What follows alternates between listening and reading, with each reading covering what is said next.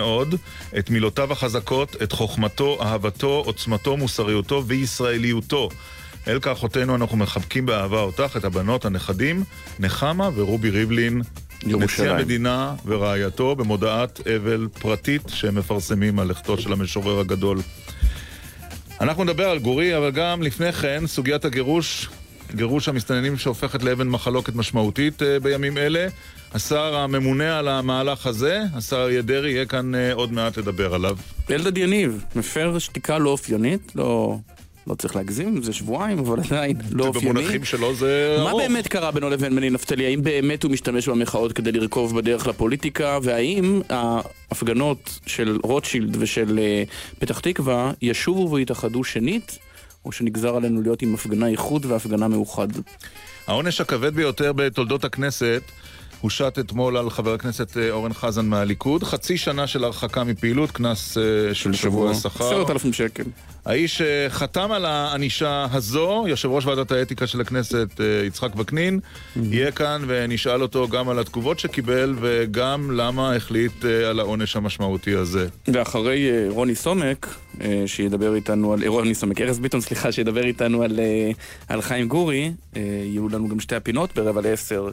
שיחה בהפתעה. וגם המשפט האזרחי של נוחי דנקנר לקראת פשרה, עם דרמה גדולה שבדרך. אנחנו נדבר עם גיא רולניק מדה מרקר, ששנים שנים כבר כותב uh, שזה ייגמר בבכי. אז זה לא נגמר בבכי, זה נגמר בפשרה. כן. Uh, אילן ליאור, אה, הילה פרץ, ענבר טוויזר, נועם ברלכיס ויובל נפתלי, הצוות שעושה איתנו את התוכנית הזו הבוקר. וקיקו נדב בירושלים. נכון, קיקו נדב בירושלים. דקל סגל כאן בגלי צה"ל עד 11. מתחילים.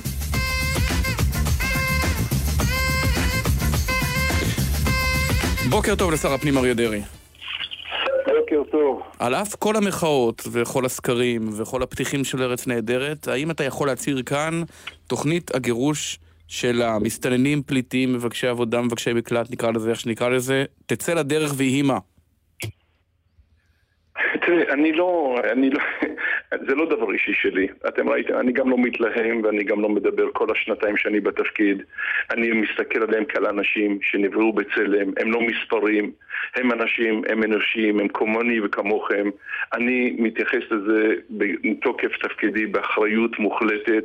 אני מאוד מרחם, מאוד מלא חמלה, אבל קודם כל אני עובד על עצמי ואני מחויב לעשות למען עניי עירך, למען התושבים שלנו. מדינת ישראל הקטנה לא יכולה להכיל כל כך הרבה מסתננים בלתי חוקיים ואני מפריד בין מסתננים לבין פליטים. פליטי, פליטי מלחמה, פליטים שנמצאים בסכנה, אנחנו נשאיר אותם כאן. התחלנו להשאיר חלק מהם ואנחנו נמשיך לטפל באחרים.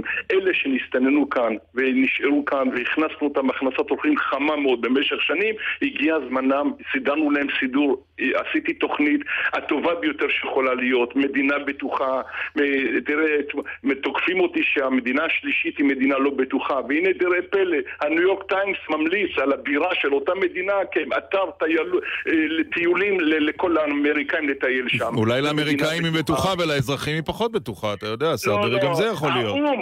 האו"ם בעצמו שלח לשם רק בשנה האחרונה 180 אלף פליטים להתאקלם שם ולהיות שם. בוא, אני אומר לכם... מה שאתה בעצם אבל אומר שהמחאה לא נוגעת בך בעצם. אני קודם כל שמח מאוד שבאמת שיש מחאה של חמלה של חלשים, אנחנו צועקים את זה כל השנים, רק אני להבדיל מהם קודם כל מרחם את החמלה שלי על האחים שלי. עניי עירך קודמים. אבל, אבל, לא, אבל לא ענית לי על השאלה, אריה דרעי. האם בבקשה. התוכנית נמשכת בכל מחיר? ודאי, ודאי. לא תתקבל. מה, מה, עם כל הכבוד, עם הודעות בעיתונים או עם uh, החתמות של אנשים, אנחנו נד... אני אצא מתוך דבר שעבדנו עליו כל כך בשביל הדבר לא? אמיתי, ש...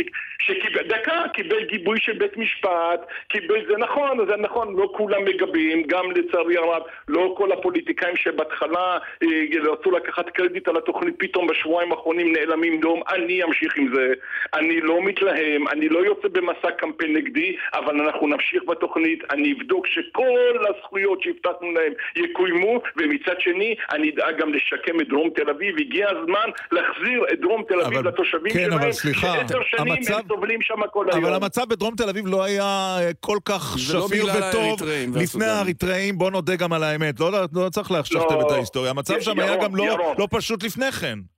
כן, ירון, ירון, בוא בוא, יש שתי, שתי, שתי, תשובות להגיד לך. קודם כל... תתחיל בשנייה. אה, אני גם כן. חשבתי, לא, לא, אני- אני גם חשבתי כמוך, ירון, שהרי אני גדלתי בבת ים ואני מכיר את דרום תל אביב, אני הסתובבתי שם, אבא שלי, זכרונו לברכה, עבד שם, אני מכיר את המקום. אבל כשסיירתי שם כשר הפנים, באופן רשמי, באופן לא רשמי גם, הלכתי לבד לסייר שם, וראיתי מה שקורה בדרום תל אביב, תאמין לי, ירון, זה, זה מדינה אחרת, זה מדינה אחרת לגמרי. אתה ראית איך שכל הרחובות, וכל הבתים, וכל האוכלוסייה, וכל, הכל השתנה מקצה לקצה. האנשים, התושבים, המבוגרים שם מפחדים ללכת ברחובות, בתי כנסת למה? מה, כולם. מאיימים עליהם? כל מי שמש- אה, כל מי שגר שם הוא? בהכרח אלים בפוטנציה? אתה עושה קצת הכללה, השר דרעי.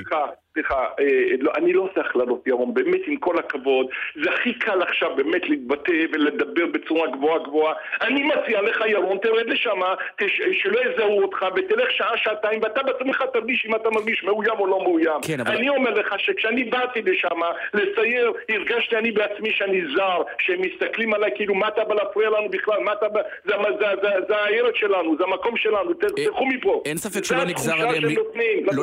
לא נגזר עליהם להיות שם וב- ובערד ובאילת. אבל השאלה היא, אומרים לך, אתה יודע, מתנגדי הגירוש הזה, אומרים, מדינת ישראל כבר בנתה את החומה, יש אפס מסתננים בש, בשנים האחרונות. האם היא לא יכולה נכון. להכיל 30-34 אלף איש שיחיו כאן ויקבלו אזרחות? אה, א', א', לא. זה קשה מאוד, כיוון שיש לנו כאן עוד ועוד התמודדויות אחרות. אל תשכח שאנחנו ערב שקולטת עלייה, ואנחנו ממשיכים לקלוט כל שנה עולים, לא ממדינות קלות, שאנחנו, מש... שאנחנו בונים להם בתים ונותנים להם. אנחנו מדינה מאוד קטנה, שאנחנו קשה לנו לקבל, אנחנו ניקח את החלק שלנו, את יוצאי דארפור, את אלה שהם בסכנה, את הפליטים הללו, את האחרים. קלטנו כאן במשך עשר שנים, נתנו להם את כל מה שאפשר, כולל זכויות בריאות וחינוך ועבודה שנתנו להם, הם חסכו הרבה כסף, אני שולח אותם מפה עם מענק גדול שהם יוכלו לחיות בו איתו הרבה מאוד חודשים, הם מקבלים אשרות עבודה שם ואשרות שהייה במדינה השלישית, מה עוד יותר מזה? אנחנו כי- צריכים לעשות? אתה- בסופו של דבר... תשמע, אם, הם היו מפוזרים, אם אני הייתי בא למשרד הפנים, הרי אני לא הייתי פה כשהם היו פה. אני באתי למשרד הפנים כעובדה, מצאתי את הבעיה הזאת מונחת על שולחני, ושאין בו, אין, אין לו טיפול אמיתי. זה מורשת, אה. מורשת בעייתית של אלי ישי, זה מה שאתה אומר. אני לא, זה לא חשוב, עזוב, אני לא בא עכשיו לחלק ציון לאף אחד. פשוט אבל- למה אתה חייבים להזכיר כאן, עמית. אתה משבית את השמחה. ראיון עם אריה דרעי לא יכול. לעבור בלי השם אלי ישי, אז הנה, עשינו וי, אפשר לא, להמשיך.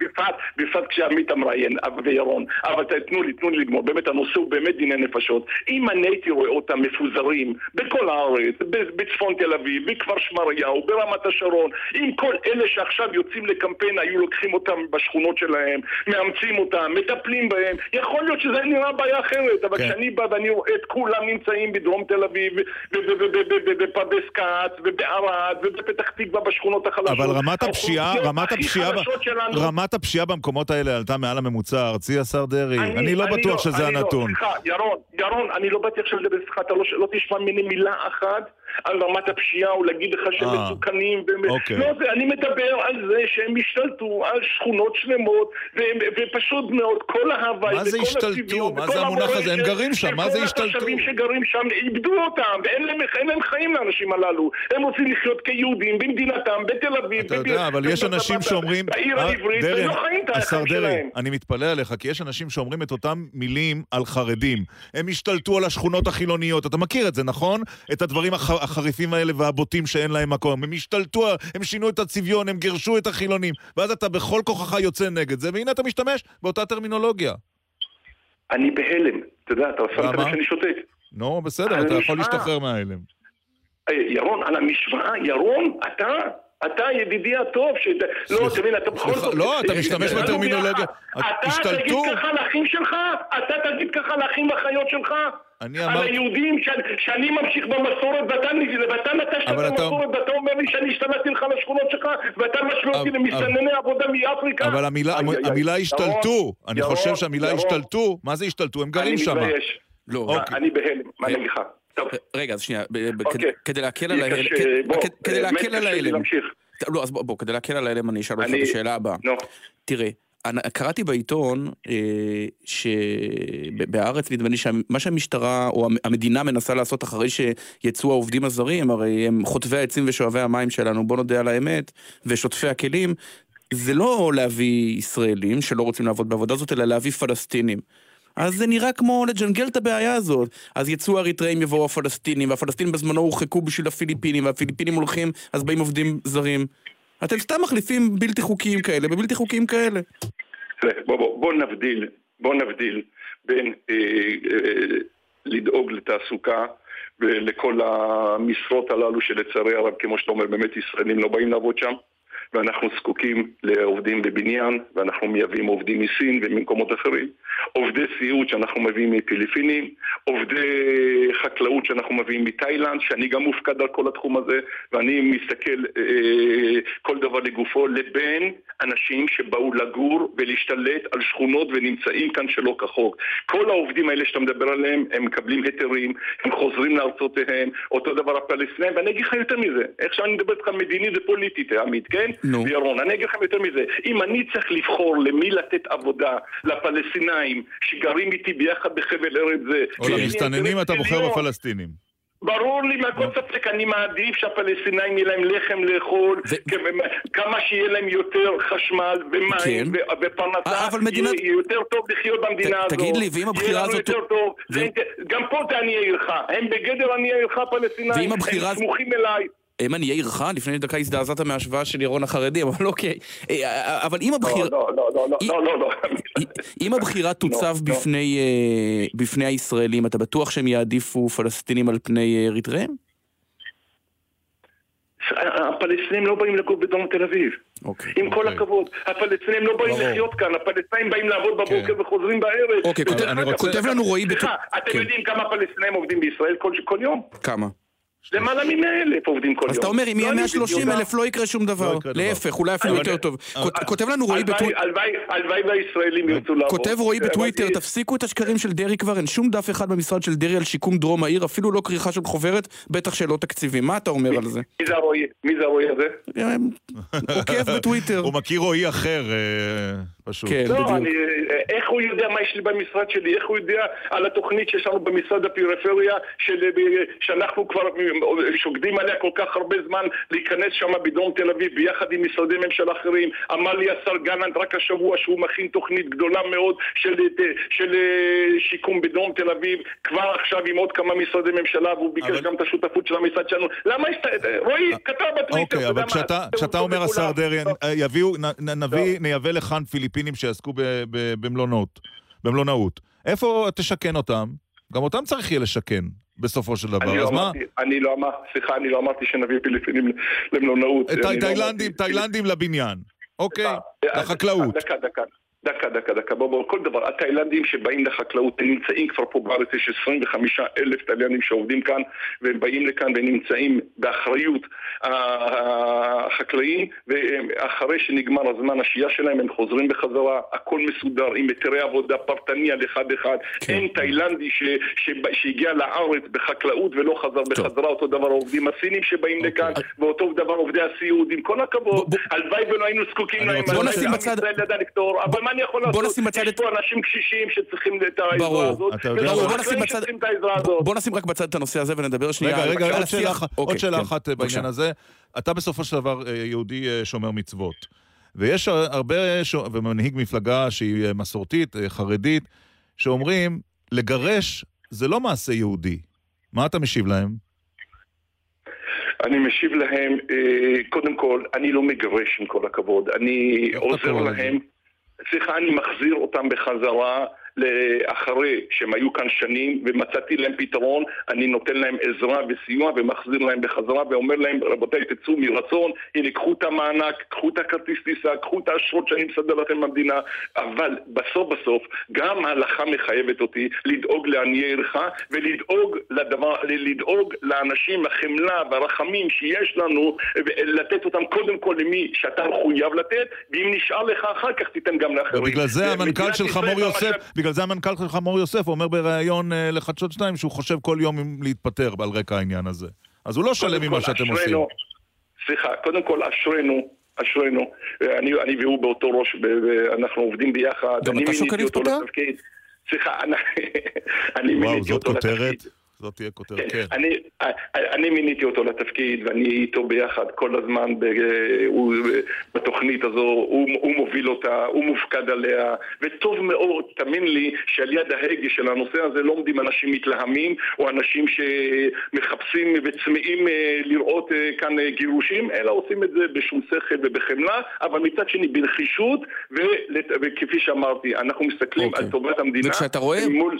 וכשאתה רואה את, את עצומת הטייסים, עצומת המלצרים, עצומת האומנים, אתה רואה את הפתיח בארץ נהדרת, שכולם אומרים שאנחנו והפליטים זה אותו דבר. גם אנחנו היינו פליטים, הגענו לארץ. מה, מה התשובה שלך על זה?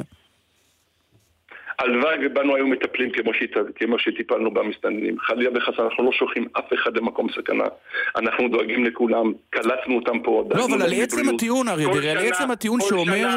כל ש... שנה, סליחה, כל שנה נולדים פה אלף ילדים ואנחנו מממנים את זה בבתי חולים אה, של, של פליטים. אנחנו דואגים להם לכל הדברים הללו. אנחנו שולחים אותם למקומות בטוחים, מחזירים אותם חזרה למקומות הכי בטוחים עם מענק גדול. אוי ואבוי אם אנחנו עושים השוואה למה שעבור, שעברנו אנחנו באירופה ובמקומות אחרים, איך שהתנהגו אלינו. כן, אבל לעצם הטיעון, מה אתה אומר על אלה שאומרים זה אנחנו והם בדיוק אותו דבר מה פה שאנחנו והם אותו דבר? בדיוק אותו נכון, דבר, גם הם פליטים, אנחנו פליטים. סליחה, יש מדינה אחת יהודית בכל העולם הגדול הענק הזה, שהמדינה הזאת גם תורמת את תרומתה, ואמרתי אנחנו נקלוט פליטים, קלטנו פליטים ונמשיך לקלוט פליטים. את שאר האחרים שכל מדינה, בכל מקום בעולם יש מדיניות של הגירה, ומי ששוהה בלתי חוקי, כל מדינה פועלת לטפל בהם, אנחנו מטפלים בזה, רק אנחנו להבדיל מאחרים לא מגרשים ישר במטוסים, okay. אוקיי. אלא אנחנו עושים את זה אוקיי. בתוכנית מסודרת, עם מענקים ועם סידורים, כל הדברים האחרים. אני רוצה לשאול אותך, השר דרעי, בעוד נושא אחד ברשותך. אה, עמית, אפשר לעבור לעוד נושא, נכון? בהחלט. מה היית אומר הבוקר לרב אליהו? מה קרה עכשיו? מה קרה? הוא ממשיך במתקפה שלו על הרמטכ"ל, על שר הביטחון. אה, אני לא שמעתי, לא שמעתי, לא, קודם כל לא הבנתי, בהתחלה איזה רב אליהו אתה מתכוון, ועכשיו אני מבין שאתה מתכוון לרב שמואל אליהו מצפת, כן? לא, לא שמעתי, לא, לא, לא שמעתי איזה מתקפה, לא... והשיח הזה נגד, והשיח הזה נגד הרמטכ"ל מקובל עליך? קודם כל, בכלל שיח אישי לא מקובל עליי בשום דבר. הרמטכ"ל הזה, אני יכול להגיד לך, גדי איזנגוט, שאני יושב סמוך איתו ביחד בקבינט הרבה שעות, וזכיתי להכיר אותו בשנתיים האחרונות ביותר שאני בקבינט, ואני אומר לך שהוא אחד באמת יחיד ומיוחד. במידותיו, השכל הישר, ההגינות שלו, הצניעות שלו. אשרינו שיש לנו רמטכ"ל כזה שעושה את עבודתו עבודת קודש בצניעות, בנחישות, קידם את הצבא בצורה משמעותית ביותר, אה, אדם בלי אגו כמעט. ממש תענוג, תענוג, תענוג לעבוד איתו, גם אם אתה לא מסכים לכל מה שהוא עושה. טוב, שאלה אחרונה, okay. אוקיי. אני, אני רואה שבסקרים אתם מתאוששים לשישה מנדטים. אה, יותר, שבוע שעבר היה לנו כבר... אה, גם שבעה, כן, נכון, איזה סקר פנימי. נכון, אה, השאלה אם אתה רואה בכלל בחירות בקרוב. אני לא רואה בחירות. אה, אני לא רואה בחירות. אה, תראה, לראשונה אני חושב, ואתם בטח יודעים, אולי בדקתם את זה יותר ממני, לראשונה שמדינת ישראל וכנסת הולכים לחוקק את חוק התקציב, כן? לשנת 19 בתקופה כזו. אה, הקואליציה מתפקדת, מעבירה את מה שהיא צריכה להעביר. מתפקדת תוך חיבה רבה בין מרכיביה. כן, הכלכלה, דקה אחת, הכלכלה באמת במצב טוב. אתמול ירדנו לשיא שלא היה כדוגמתו, כן, ירדנו ל-4% של אבטלה, דבר שלא היה כמותו. ובאמת הכלכלה יציבה, אנחנו אחד מהכלכלות היציבות בעולם, אנחנו מעצמה טכנולוגית, אנחנו באמת, הכל עובד יפה. בשביל מה, מה, מה המצווה הזאת של בחירות, שעוד פעם תכניס את כולם אוקיי. עוד פעם לטירוף, אה, בשביל מה זה? אין לזה צורך. השר אריה דרעי. אני שמח שהתאוששת גם מהתדהמה שאחזה בך במהלך הרעיון, ואתה לא, נשמע... אתה באמת רואה שוויון בין החרדים למסתננים, לא, אני רק השתמשתי במונח של ההשתלטו, השתלטו, השתלטו. לא, לא, לא, אה, אני מכיר, לא עמית, אני אענה לך, עמית, אני אענה לך. כן. המונח הזה הזכיר לי שהם... אה, היות ואני מכיר את ירון לפניך, עמית, כן? נו. אה, עכשיו עברנו לחיים שכאלה, כן? כן. כן, כן, כן, כן, כן, גדלנו ביחד במשכן הכנסת כן. עם עוד כמה אחדים, כן, ואני מכיר את ירון בפנימיותו ואת דעותיו. לכן הייתי בהלם. אם מישהו אחר היה אומר לי, הייתי עונה לו. אוקיי. כמו ירון, הוא לא כזה, הוא כזה... יש לו נשמה יהודית, זה מה שאתה אומר, הוא לא... חברים, מה זה נשמה יהודית? הוא יהודי כמוני וכמוך טוב מאוד, אמן לי, נו. חברים, אנחנו נסיים בנקודה הזו. תודה רבה. תודה רבה, השר דרעי. יש לו רק כיפה שקופה, זה ההבדל ביני ובינו. בדיוק, כיפה אחוז. בכיס. תודה רבה לך. להתראות, השר דרעי. להתראות, כל טוב אגב, ראיתי את. הפתיח של ארץ נהדרת השבוע, שאמר שכולנו בני פליטים, כן. וחשבתי על שני דברים בהקשר הזה. קדימה. הראשון שבהם הוא שמי שחושב שהאתוס הציוני-יהודי של אה, להגיע לארץ הוא רק כי היה קצת לא נוח באירופה, אז לא. אה, אולי קצת התבלבל. נכון. אה, לא- לא לא כולם גם הגיעו ב- לכאן רק כי הם בני פליטים. היו הרבה ציונים שהגיעו בגלל ציון- בגלל הציונות. כמעט כולם, זה אחד.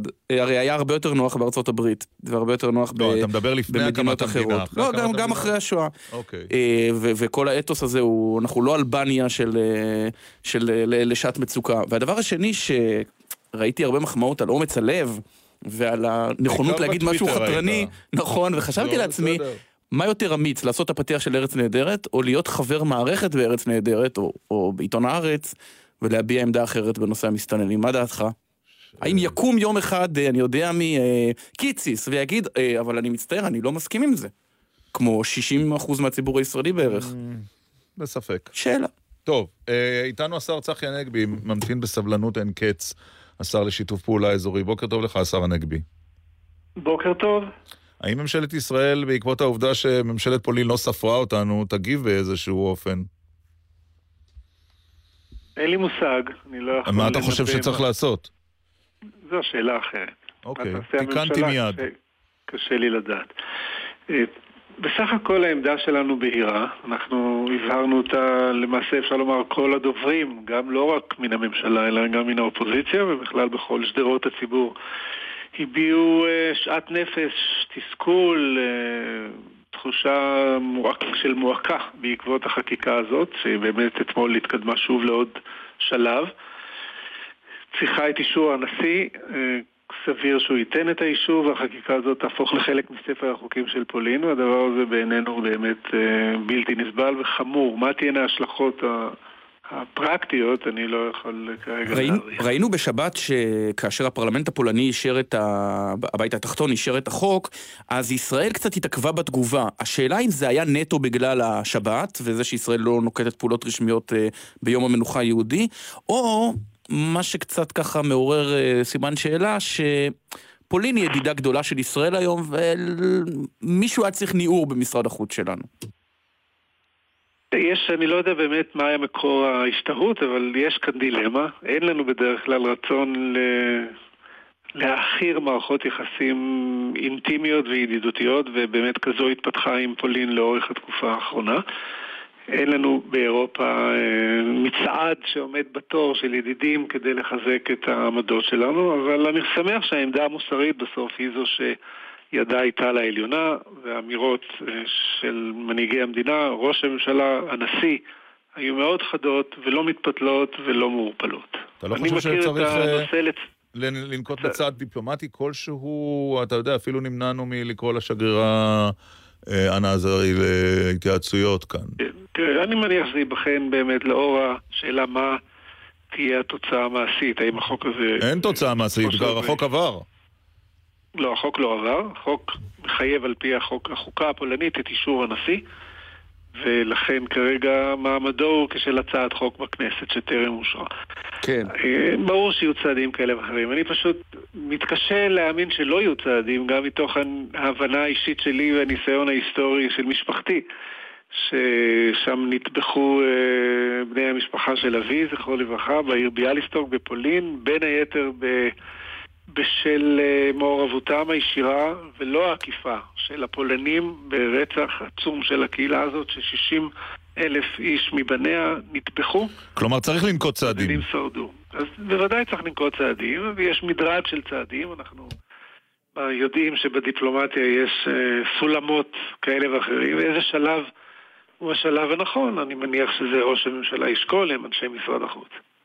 פגשת בסוף השבוע אישיות פלסטינית, אה, בסוף השבוע, במהלך השבוע, סליחה, אישיות פלסטינית בכירה אתמול. בבר- בבר- בבריסל. אה, נדמה לי שפגישה בדרג כזה לא הייתה כבר די מזמן, אני אתה לא טועה? מפחד שטראמפ יטיל עליך סנקציות שהעזת לפגוש פלסטינים?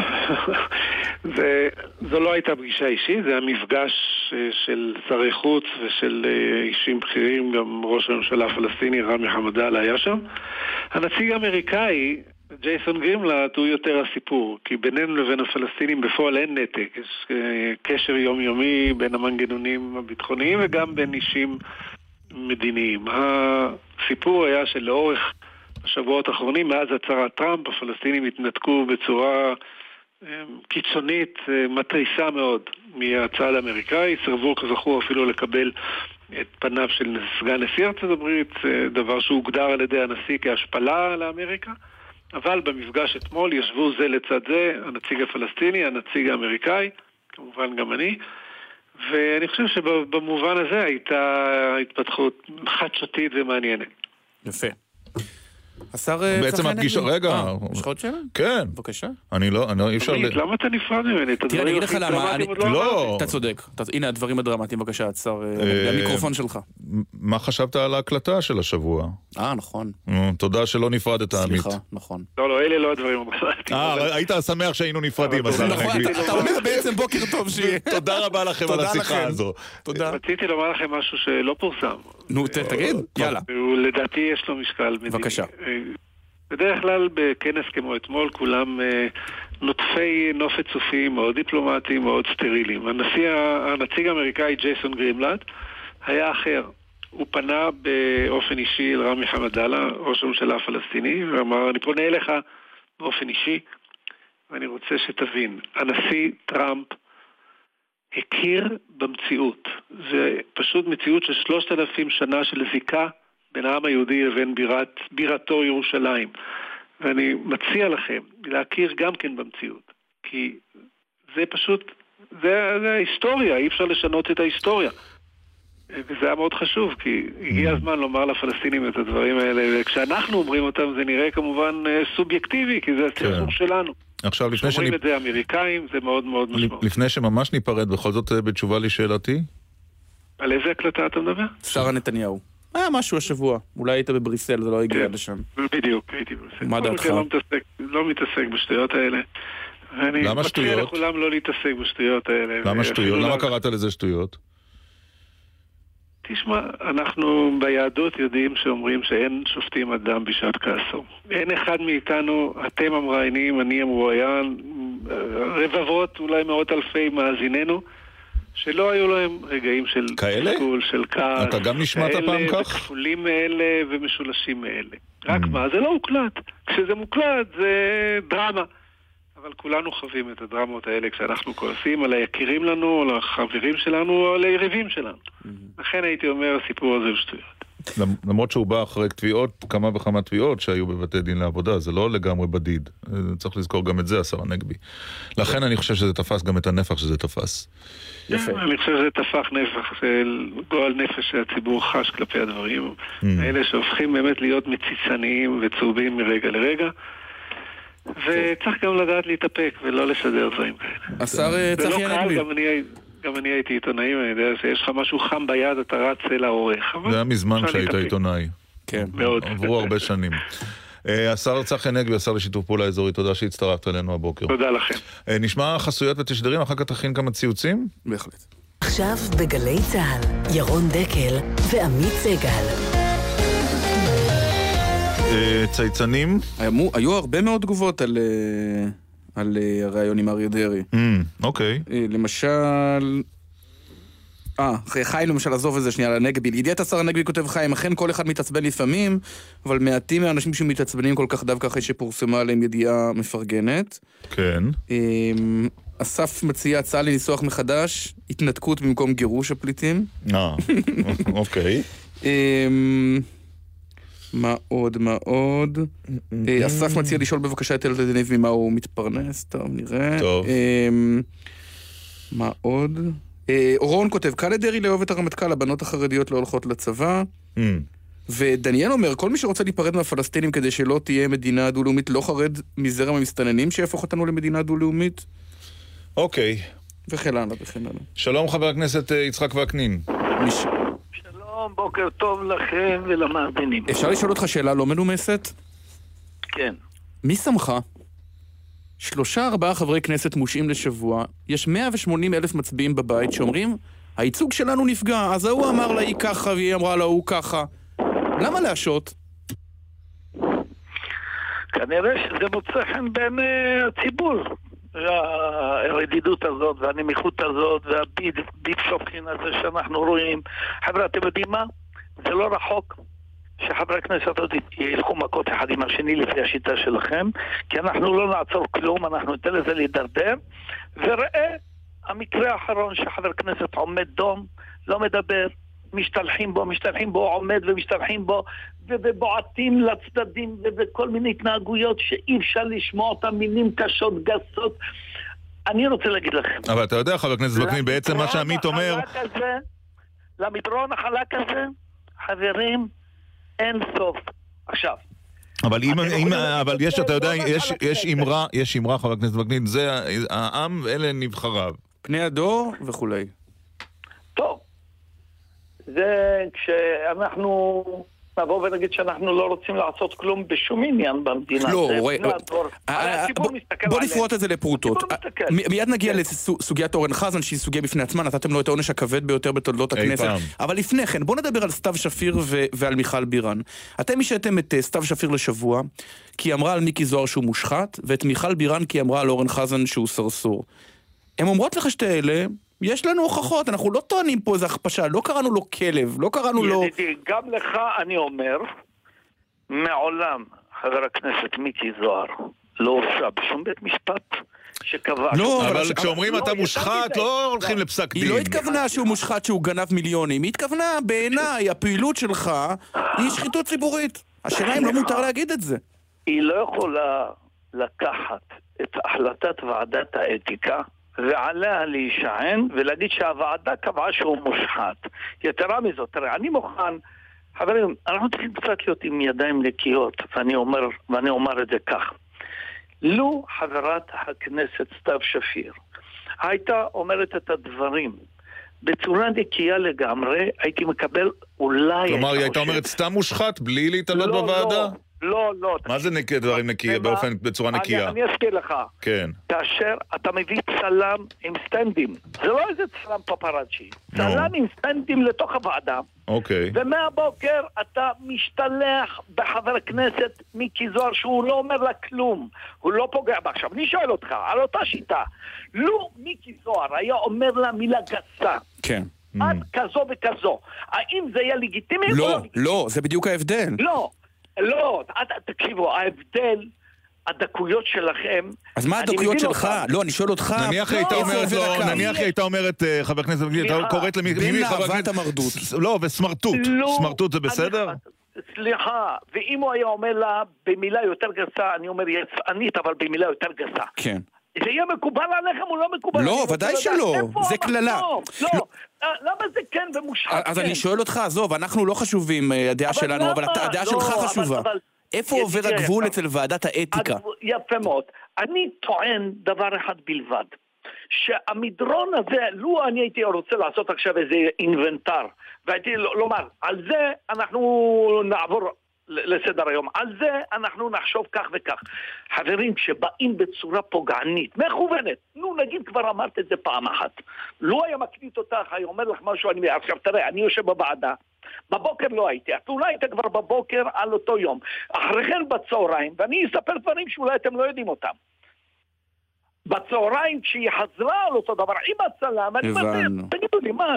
אז, אז אני בא ואני אומר, תגידי לי, למה את אומרת שוועדת האתיקה החליטה כך וכך? לא החליטה כך. אוקיי. היה עוד חבר כנסת שאמר את אותה מילה לחבר הכנסת עכשיו, אורן חזן. אוקיי. בוא נעזור בוא נדבר לסתיו על אורן שפיר חזן. ומיכל בירן, אוקיי? ונדבר על אורן חזן. ומיכל בירן, אני רוצה להגיד. אה, מיכל בירן אמרה את, בפעם הראשונה את מה שאמרה, והיא קיבלה... אמרה את המילה סרסור. אורן חזן, לא חוסך את אה, שבט פיו, ומיד הוא החזיר לה מילים קשות. נכון. זה היה בפעם ה... אוקיי, היא כתבה לנו מכתב, אנחנו אה, השעינו את העניין הזה, לא...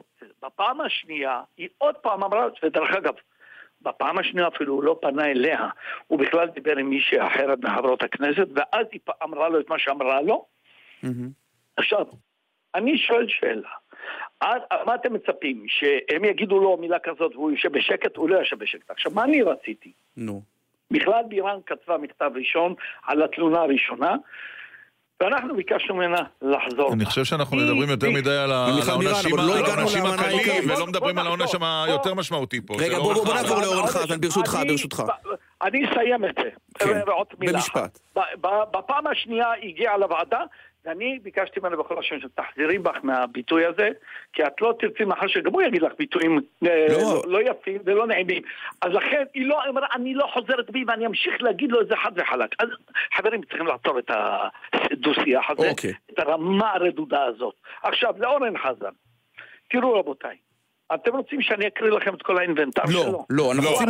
הוא הורחב. למה הלכת עד הסוף? עד למה מה ש- הוא מכל, היו עד הסוף. 300 ח"כים ב-20 שנה, אתה ח"כ 22 שנה, למה הוא מכל ה-300 אה, שהיו ב- ב- בדור האחרון, מקבל את העונש הכבד ביותר?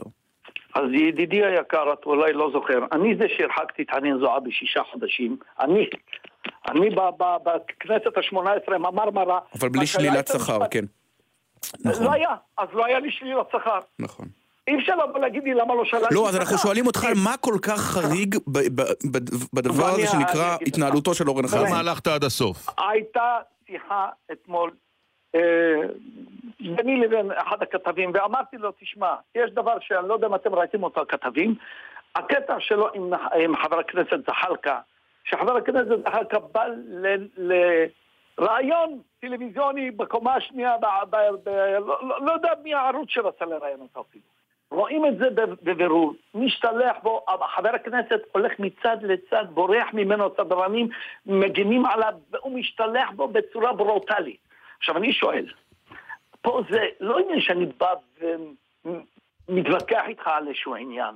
אני בכלל לא איתך, אני לא מדבר איתך. אתה בא, מפריע לי להתראיין, משתלח בגסות רוח.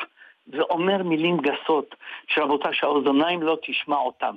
אני מציע שהמדינה תראה את זה, והמדינה תשפוט את ועדת האתיקה, האם היא החליטה... אורן נכון חזן לא. אומר, אורן חזן אומר, אתם שליחים של יולי אדלשטיין. יולי אדלשטיין יש לו לא, חשבון איתי, ואתם. סוגרים את זה בשליחותו. אני חייב לומר לך משהו. אני לא זוכר שפעם אחת יולי אדלשטיין דיבר איתי על אורן חזן, על מישהו מחברי הכנסת שמוגשת נגדו. חברים, אני לא צריך שיו- שיושב ראש הכנסת יאמר לי את הדברים, אני רואה אותם. עכשיו אני אגיד לכם יותר מזה, יש דברים שפורסמו וחלקם נכונים מאוד. מה היה בתוך הוועדה? הוא רצה להגיע לוועדה. נו, אתה יודע איך הוא השתלח בנו? מה הוא אמר? בחברי הוועדה. מה הוא אמר? הוא אמר, אתם, אתם משתפים פעולה עם הטרור, אתם מושחתים. פונה לחבר הכנסת אייל בן ראובן, אלוף בצה"ל.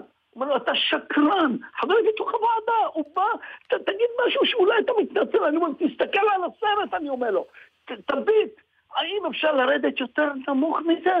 והוא אומר לי, אתה משתף פעולה עם טרור, אתה מושחת. חברים, מה, תגידו, אתם, אולי אנחנו התבלבלנו, חבר'ה, אני לא התבלבלתי. אני חושב, חברי הכנסת, ישנם ויכוחים, ישנם רגע, רגעים שאני מתפרץ ואני אומר משהו לא נכון, אני חוזר בי.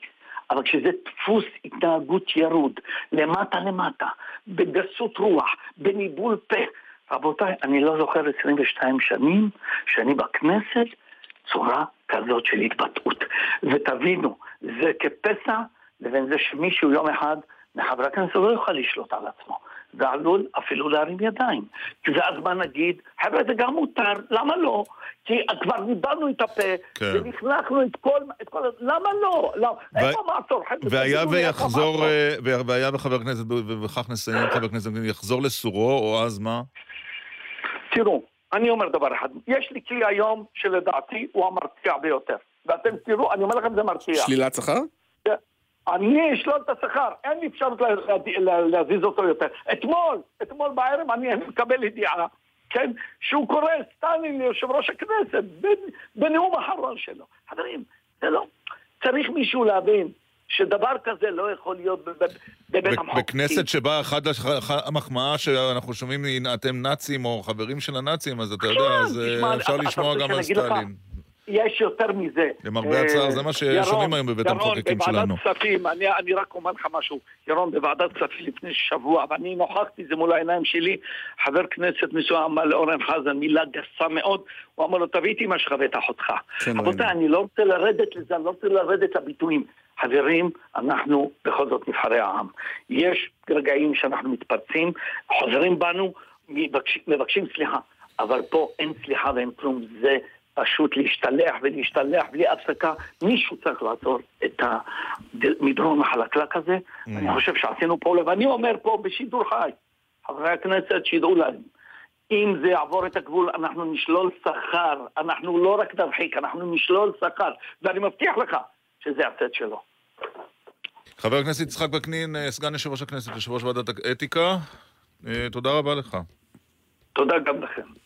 9.47. זה אפילו שמונה. זמן לשיחה בהפתעה, בוקר טוב. לך, לך, למישהו. בוקר טוב. בוקר טוב לך. בוקר טוב. מה נשמע? מצוין, מה שלומכם? אה, בסדר. בסדר. את אומנית? אה, לא. לא. את פוליטיקאית? לא. אוקיי. את עיתונאית? לא. את עובדת? יש לי ברירה? את כן. את בעבודה עכשיו? כן, אוקיי. תפקידך הוא ממשלתי או פרטי? במגזר הממשלתי או הפרטי? מגזר ממשלתי. מגזר ממשלתי, אוקיי. יפה. טוב, זה את מנכ"לית של משרד ומעלה? אה, משהו בסגנון. משהו בסגנון. את לא מנכ"לית משרד המשפטים, כי היינו מזהים אותה. תחבורה? מה זה לא. בסגנון? היא אמרה בסגנון, זה לא מנכ"לית משרד ממשלתי. אוקיי. אולי איזה אה, עובדת אולי ממשלתית אה, יש? המפקחת... אה, לא. אולי יהיה נגידת בנק ישראל? לא. וואו, הלוואי. אוקיי. או-אה, זה יהיה קשה הפעם. הפעם זה יהיה קשה. במגזר אה, הציבורי. תגידו לי כשתרצו שאני אעזור לכם. את רמז, עובדת בירושלים? בירושלים? אה, בירושלים, כן. ואת גרה בירושלים? לא. אוקיי. טוב, זה לא עוזר לנו כל כך. וואו. טוב, תתני אה, לנו את- רמז. מתי התראיינת, רגע, מתי התראיינת לאחרונה, שלא בהפתעה? אה, לפני אה, חודש, יכול להיות. אוקיי. טוב, תני לנו רמז. וואו, טוב. אבל לא... אתם מכירים אותי אישית, כל אחד מכם? שרה נתניהו, בוקר טוב לך. בוקר טוב! למה לא. התעצבנת כל כך ב... אה, אוקיי. טוב. אמ, hmm, אה, שיט.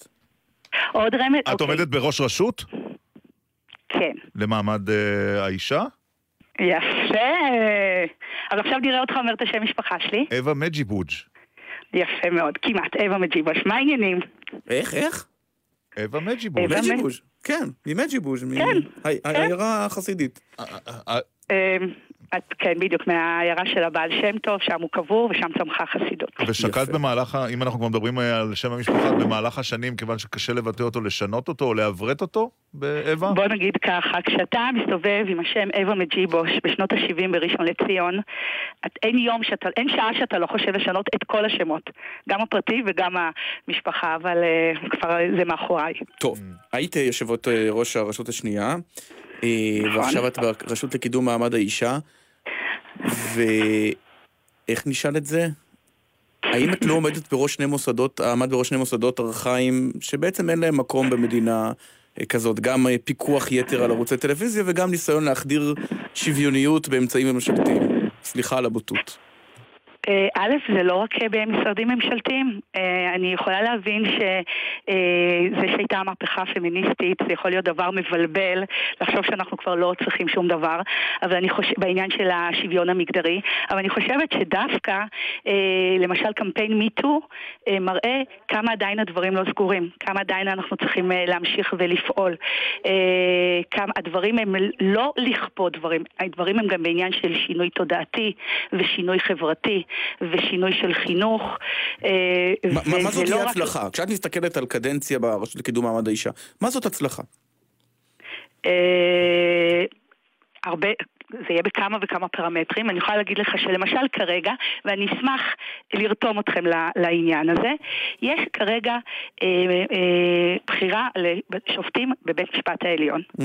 אני לא יודעת אם אתם יודעים, יש 15 שופטים גברים בבית משפט העליון. 11, אה, זה רק... סליחה, סך הכל 15 בסך הכל, מתוכם ארבע, ארבע נשים, כולל הנשיאה. המצב בבתי משפט ה- אה, בית- השלום והמחוזי, די שוויון בין גברים לנשים מבחינת אה, השופטים. מועמדים יש 25, מתוכם רק חמש נשים. ואחד מהדברים שאנחנו רוצים עכשיו לפעול, ואני אשמח שתירתמו יחד עם הרשות לקידום מעמד האישה, לקרוא לוועדה שבוחרת לפחות למנות לפחות אישה אחת לבית משפט העליון, כי אין שום סיבה בעולם. שלא יהיה שוויון בין גברים ונשים כששופטים בבית משפט העליון, כאשר בבתי משפט השלום והמחוזי מהמם. כן יש שוויון.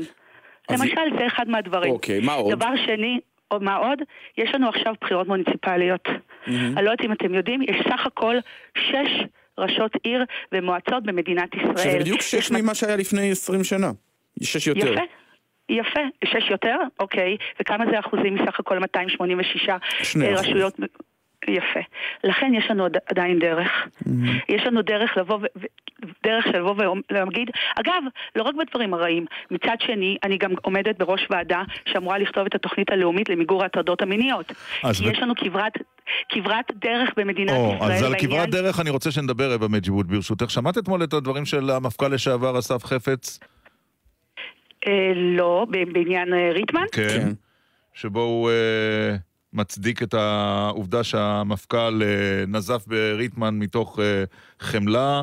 הוא אומר, אה, נניח שהוא חיבק ונשק. אז בואו נסתכל על זה בפרופורציה, הוא לא אנס. מה חשבת כששמעת את המפכ"ל אסף חפץ, המפכ"ל בדימוס, אומר, אז הוא לא, הוא, לא, הוא לא אנס, נניח שהוא חיבק ונשק. אבל זה בדיוק העניין. דברים שהיו פעם לגיטימיים, דברים שפעם נראו לגברים שתפסו את עצמם כגברים אה, מתקדמים, הם לא עוד לגיטימיים. והדבר שאנחנו צריכים לעשות כרשות לקידום מעמד האישה, זה לדאוג באמת שסביבת העבודה, שכל אישה, היא תהיה בטוחה. שהיא תרגיש לחבק ולנשק, לא רק לחבק ולנשק, גם להגיד דברים שהם לא דברים ראויים, זה לא עניין של מה בכך. והשינוי פה הוא לא שינוי רק מעשי, אלא שינוי גם חברתי. כי בארצות הברית, כשוויינסטיין, אחד מהאנשים הכי משפיעים, הכי עשירים, הכי בעלי כוח, על- עלה מה שעלה, עדיין בלי משפט. הוא תוך יום איבד את הכל. מדינת ישראל, החברה של מדינת ישראל, זה כמו בעניין של מס הכנסה. זה חלק מהחבר'ה, זה חלק מה, מה, מה, מהעניין לזרוק בדיחות סקסיסטיות. זה חלק מהעניין לעשות דברים בחצי קריצה. לא, נגמר, נגמרו מה צריך להיות. מה צריך לעשות עם רוני ריטמן, הניצב רוני ריטמן, לדעתך, האישית? אה, כן. אני חושבת שבטח שצריך לעשות לו אה, בירור, תראה, לא צריך לשפוט אדם ב- בכיכר העיר לפני שכל העובדות ידועות ולפני שהוא אומר את הצד שלו. אבל אם באמת יתברר שהוא אה, יתנהל בצורה לא נאותה, לא ראויה, והטריד מינית מישהי שבכפיפות אליו, כן. אין לו מקום, ב- ב- אין לו מקום במוסד שאמון על הביטחון האישי של נשים. איך אישה, איך נפגעת מין, מוטרדת מינית, תפנה אחרי זה למשטרה ותתלונן ותרשה לעצמה להרגיש ביטחון אם היא יודעת שזה מוסד שמקדש את ה... לעצום עין, את, מקדש את החמלה, מקדש את הבדיחה. אין מקום לזה. אני בנימין רוצה לשאול נתניהו. אמר שלפני, אה, נדמה לי כשנה, הוא אמר לארגוני נשים, למה אתם לא מגינים על המקרה הכי קשה של אה, שוביניזם, וזה המתקפות על רעייתי שרה. את רואה את המתקפות על שרה כעניין שוביניסטי, או כעניין שיחסי עבודה שלה מצד שני? אה, זהירות מוקש, לפ... זהירות מוקש לפנייך. לא, זה לא, זה לא עניין של מוקש. אני, אני באמת חושבת שהשאלות שאנחנו צריכים לשאול את עצמנו, וזה זה לא, אני, אני לא יודעת אם יש פה את האלמנט המגדרי, זה שבאמת מדובר באשת נבחר ציבור, ולא בנבחרת ציבור. ואני חושבת שזה הדבר שצריך להסתכל עליו בראי. אני לא יודעת עד כמה... יש לך אה, קשר אישי איתה, עם הגברת. נתניהו? אני מעולם לא פגשתי לא אותה, לא אותה. ראיתי אותה פעם אחת ומעולם אני- לא דיברתי אני רוצה איתה. לשאול, לפני שאנחנו, נגמרת לנו השעה, בכל זאת את היית בזמן הפיצול של אה, ערוץ 2. את שבעת רצון ממה שקורה? אה, ממה שאני רואה על המסך, כן, למשל. אני חייבת להגיד שהשביעות רצון שלי נשארה אותו דבר כמו לפני הפיצול, כי יש דברים שאני אוהבת פחות, יש דברים שאני אוהבת יותר. אה, אני עדיין חושבת שמבחינת היצע, יש היצע יותר ל- ל- לצופה. אז אה, ומבחינה זה הדבר כלכלית הכי- זה מודל שיחזיק מעמד להערכתך? אה, אני מקווה מאוד שלא, אני מקווה מאוד שכן, שכן, אבל שכן. אני שומע, אני, אני מאוד מקווה שכן, כי אני חושבת באמת שקשת רשת ועשר, אני חושבת. שיש לנו טלוויזיה מצוינת, ואני חושבת שיש לנו חברות חדשות מצוינות, ואני כבר לא מחויבת להגיד את זה, אני אומרת את זה באמת כצופה ומישהי שמאוד מאוד אה, מעריכה את העבודה. אה, אני שומעת שיש קשיים, ואני מקווה זה יהיה מאוד מאוד עצוב אם ייסגר איזה, איזשהו ערוץ או איזושהי חברת את חדשות. אופירה אני לא וברקו את אוהבת? את את אופירה וברקו את אוהבת ביום שישי אחר הצהריים? את אני? אגיד לך, זה הזמן, אני, זהו, שזה הזמן שלי עם הילד שלי. ואני לא... אריאל, עם אריאל. התחמקות עם יפה. יפה. התחמקות יפה. אה, אוקיי, אווה מג'יבוץ', יושבת ראש הוועדה... יושב ראש- מנכ"לית הרשות לקידום מעמד. האישה. תודה רבה לך. תודה שעלית בשיחה. בהפתעה. בשעה הבאה. נהיה עם אה, אלדד יניב. אה, כן,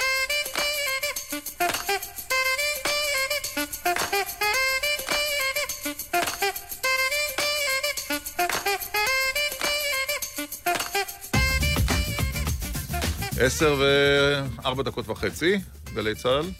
עמית, אתה איתנו? בהחלט. אה, אתה נורא, נורא שקט, שקט. לפעמים. קראת משהו אה, מעניין בטוויטר? קראתי הרבה דברים מעניינים בטוויטר. אתה רוצה לשתף אותנו? טוב, עוד מעט. עוד מעט. בסדר. אה, יש לנו הרבה מאוד נושאים גם בשעה הזו. זהבה גלאון, יושבת ראש מרצ, התחלנו סבב של אה, מועמדים לראשות מרצ. נכון. אה, בשבוע שעבר אבי בוסקילה, היום אה, מועמדת מפתיעה חדשה, כן, זהבה גלאון. שהגיעה למרוץ. כן, היא תספר לנו קצת על עצמה, מי היא כן. אה, וכולי. רקע, למה החליטה לרוץ. כן. זה שאלות שאנחנו... האם היא באמת אה, שמאלנית? כן. האם מרצ ציונית, אגב? נכון, ועוד שאלות שכדאי אה, רעננות. וחדשניות. אבל נתחיל במשהו אחר. שלום לארז ביטון המשורר. בוקר טוב, עמית. מי היה חיים כן, גורי. בשבילך? חיים גורי היה תופעה מפתיעה, מתחדשת, שכל פעם שהיה נדמה כאילו הנה הגענו לקו הגמר, אה, פתאום שירים חדשים בעיתון, אה, שירים חד... ספר חדש, אה, אף שרציתי עוד קצת עוד, דברים מפתיעים, שבעצם הוא הלך והשתכלל לכיוון של ליריקה אישית, ולמרות שאי אפשר כמובן לוותר על העוצמה ועל הסמליות שבנוכחות שלו כאיש אה, ההגנה, כאיש הפלמ"ח וכן הלאה, בסופו של דבר הוא הלך והצטלל, הוא נעשה צלול מאוד כקול לירי בתוך השירה העברית, ומבחינה זאת זוהי הפתעה לכל אה, משורר שמגיע לשנים רבות של כתיבה ולא מוותר על הלכלוכיות ועל... לשמחתי, היו לי כמה וכמה מפגשים איתו אה, עוד לפני עשרות שנים כשהייתי יו"ר אה, ועדת פרס רון אדלר, למי שמכיר, באוניברסיטת חיפה, והוא היה אחד השופטים, ולימים אה, הופעתי איתו בפאנל על אה, אורי צבי גרינברג בירושלים. הוא היה ידען עצום בזה, הוא היה מצטט שירים שלמים בעל פה. ב- זו אחת הסיבות שאני מתחבר אליו לעומק, כי גם אני מאמין בצורך של התחברות המשורר אל השירה עצמה באמצעות הכרת הטקסטים בעל פה. הוא היה מפתיע ו- ומפליא אה, כל אה, שומעיו, וגם בגילאים הרבה יותר מאוחרים הוא התעקש לצטט, אה, וזה היה נוגע ללב לראות איך הוא לא מוותר ואיך הוא יכול על- להמשיך ולצטט. אני, אני תוהה, ארז בידון, על מה משוחחים שני משוררים כשהם נפגשים? משוחחים על שירה, או על אקטואליה, או על המצב במדינה? על מה מדברים משוררים? אני, אני הייתי מאוד שמח לדבר עם משוררים על שירה, כי לדבר על דברים אחרים יש לך מן היקב ומן הגורן, לכל הכיוונים אתה יכול אה, לדבר ולשמוע, אבל נטו, נטו שירה, ש, שבאמת השירה היא דבר אה, מופלא מאין כמוהו, עש- עשר שורות לפעמים, חמש עשרה שורות, אה, נותנות לך איזושהי תמציתיות של כוח.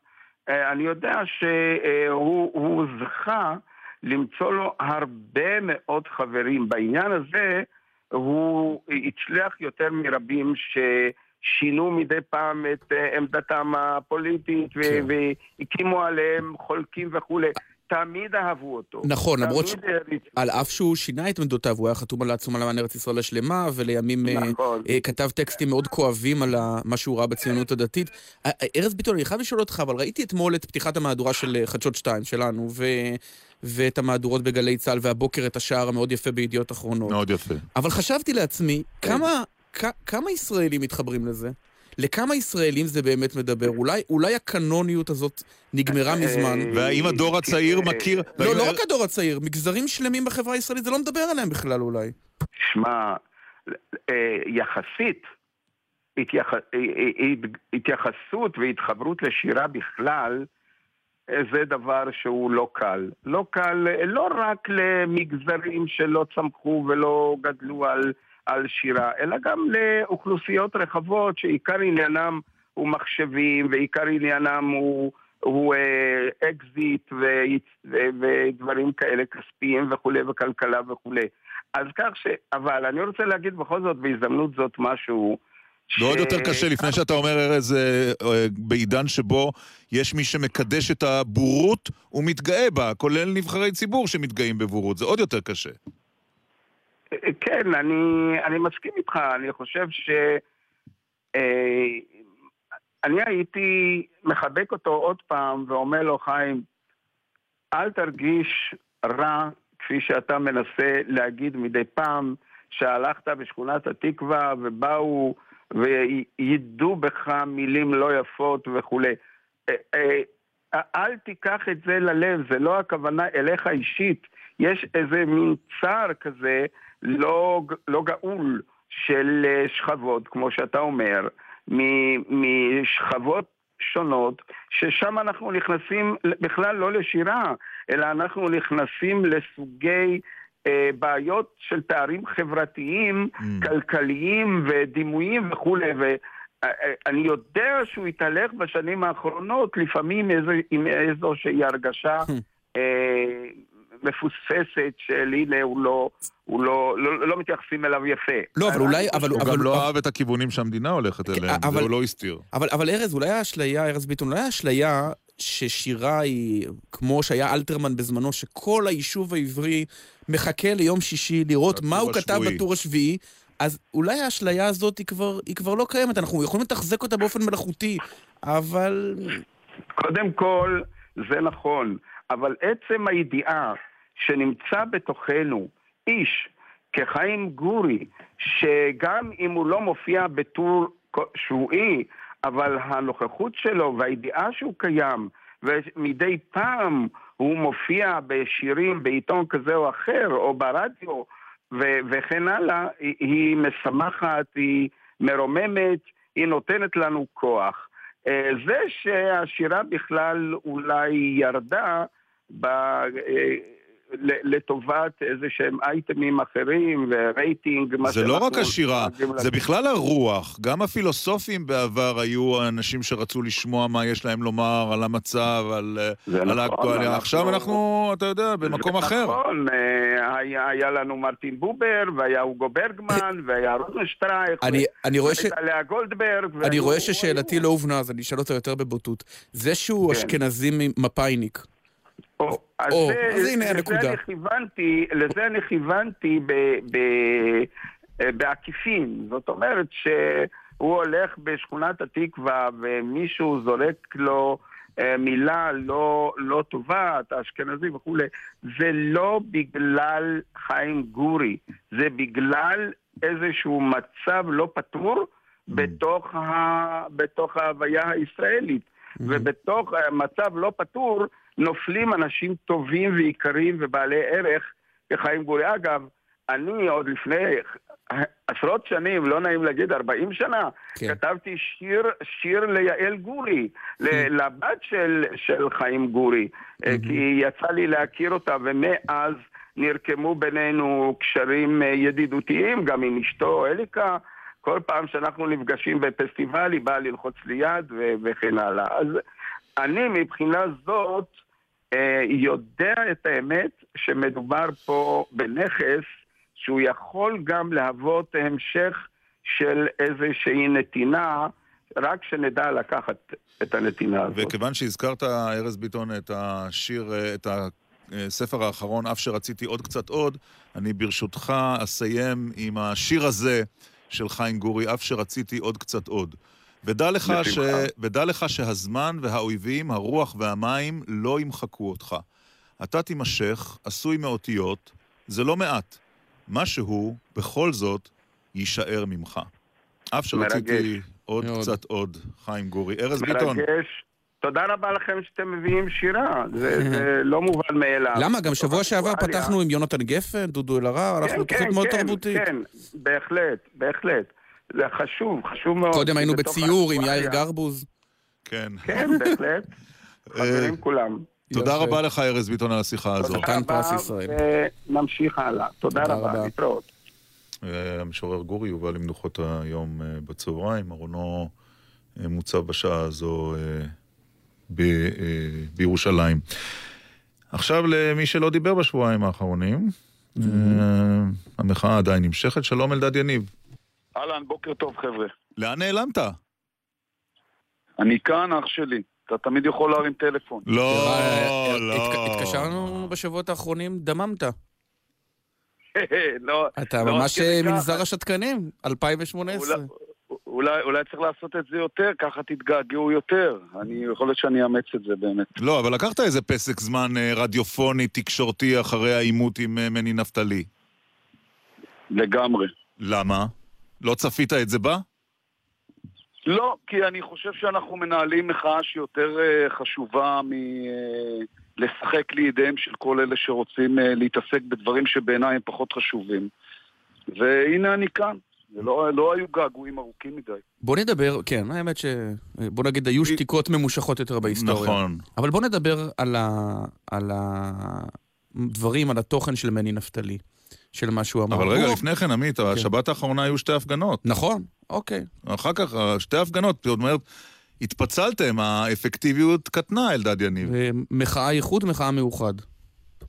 אני לא חושב, היו 20 אה, מוקדים ברחבי הארץ, אה, אני ומני נפתלי נחזור להפגין מהר מאוד ביחד, יותר מהר ממה שאתם מדמיינים. אני חושב שזו המחאה הארוכה ביותר בתולדות אה, המדינה, אני חושב שההינתקות הייתה עשרה חודשים, זאת כבר הרבה יותר ארוכה, הרבה יותר אפקטיבית, הרבה יותר משמעותית. ובמחאה ארוכה יש עליות וירידות גם מבחינת כמות האנשים שמגיעה. מה שחשובה זאת ההתמדה והעובדה שיותר משנה אחרי שהחלה המחאה הזאת, כן. אנחנו ממשיכים לדבר עליה שבוע אחרי שבוע, כן. לפעמים כמה פעמים ביום. אבל בוא נפרוט את מה שאומר מני נפתלי. מני נפתלי, אם אתה מסתכל על הטקסט, בעצם אומר מה שאומר עליך הליכודניק הממוצע. בואנה, אלדד יניב הזה, משתמ... רוכב על מחאה, שבכלל לא נגד השחיתות, הוא רוצה להיות בכנסת הבאה. כן, ואתה גם הודית, אבל אני ראיתי את הופעתך אצל אה, אופירה וברקוביץ', ואתה גם הודית, היעד בסוף להגיע לכנסת, גם דרך המחאה הזו. לא יודע איך אתם מסתכלים על פוליטיקאים. בעיניי פוליטיקאים... בהערצה. לעשות... אה, לא יודע. בסגידה, בסגידה. סגידה. הם לא, הערכה. לא ראויים, הם לא ראויים להתייחסות אפילו לא בהערכה. אבל אנשים שעושים דברים שהם חשובים לציבור, גם אם הם פוליטיקאים, צריך למחוא להם כפיים. הלוואי וכל הפוליטיקאים ירחבו על יצירת פתרון לנכים, הלוואי וכל הפוליטיקאים במדינת ישראל יתאבדו על הורדת יוקר המחיה. איך הגענו לנכים? הרי וכל נשאלת על מני נפתלי ומה שהוא אז אני אומר. אומר לך, אתה בורח אני למקומות אומר לך, נוחים. אני- אחי, אני ממש לא בורח, אני באותו מקום. כן. הלוואי וכל פוליטיקאי בישראל ייאבק על דברים חשובים ונכונים ומשמעותיים ויתמיד בהם. ואם הוא מרוויח מזה רווח אישי, מצוין. לא, אבל השאלה היא, האם אתה עושה מחאה ועל הדרך מגיע לכנסת, כמו נניח סתיו שפיר ואיציק שמולי, או שכל המחאה הזאת, כמו שאומר מני נפתלי, בדברים לא קלים, היא בעצם פלטפורמה כדי להגיע לכנסת. נוצרה כדי להגיע לכנסת. תקשיבו, אני במחאה הזאת נגד השחיתות מהראשון לראשון 2010, עוד מעט שבע שנים. אה, זה מתמיד, זה ארוך. אה, עשיתי כמה ניסיונות אה, אה, להיכנס לתוך הפוליטיקה הישראלית, ואני אמשיך ואתמיד בזה, כי אני חושב שאם אני אגיע לעמדה בתוך הפוליטיקה הישראלית, יהיה לי הרבה יותר פשוט להיאבק בשחיתות ממה שאני עושה את זה בחוץ. כן. שכל אחד יראה מה אני עושה היום מבחוץ, וידמיין מה יקרה כשזה יהיה מבחוץ. אלדד יניב, זאת לא עבירה פלילית לרצות להיות בכנסת, ואין ספק שזאת תהיה קריירה מעניינת, אבל יש מי שיטען שהניסיון שלך ליצור קו רציף בין מה שעשית מ-2010 ועד היום הוא לא מדויק, ואני, ואני אפרט.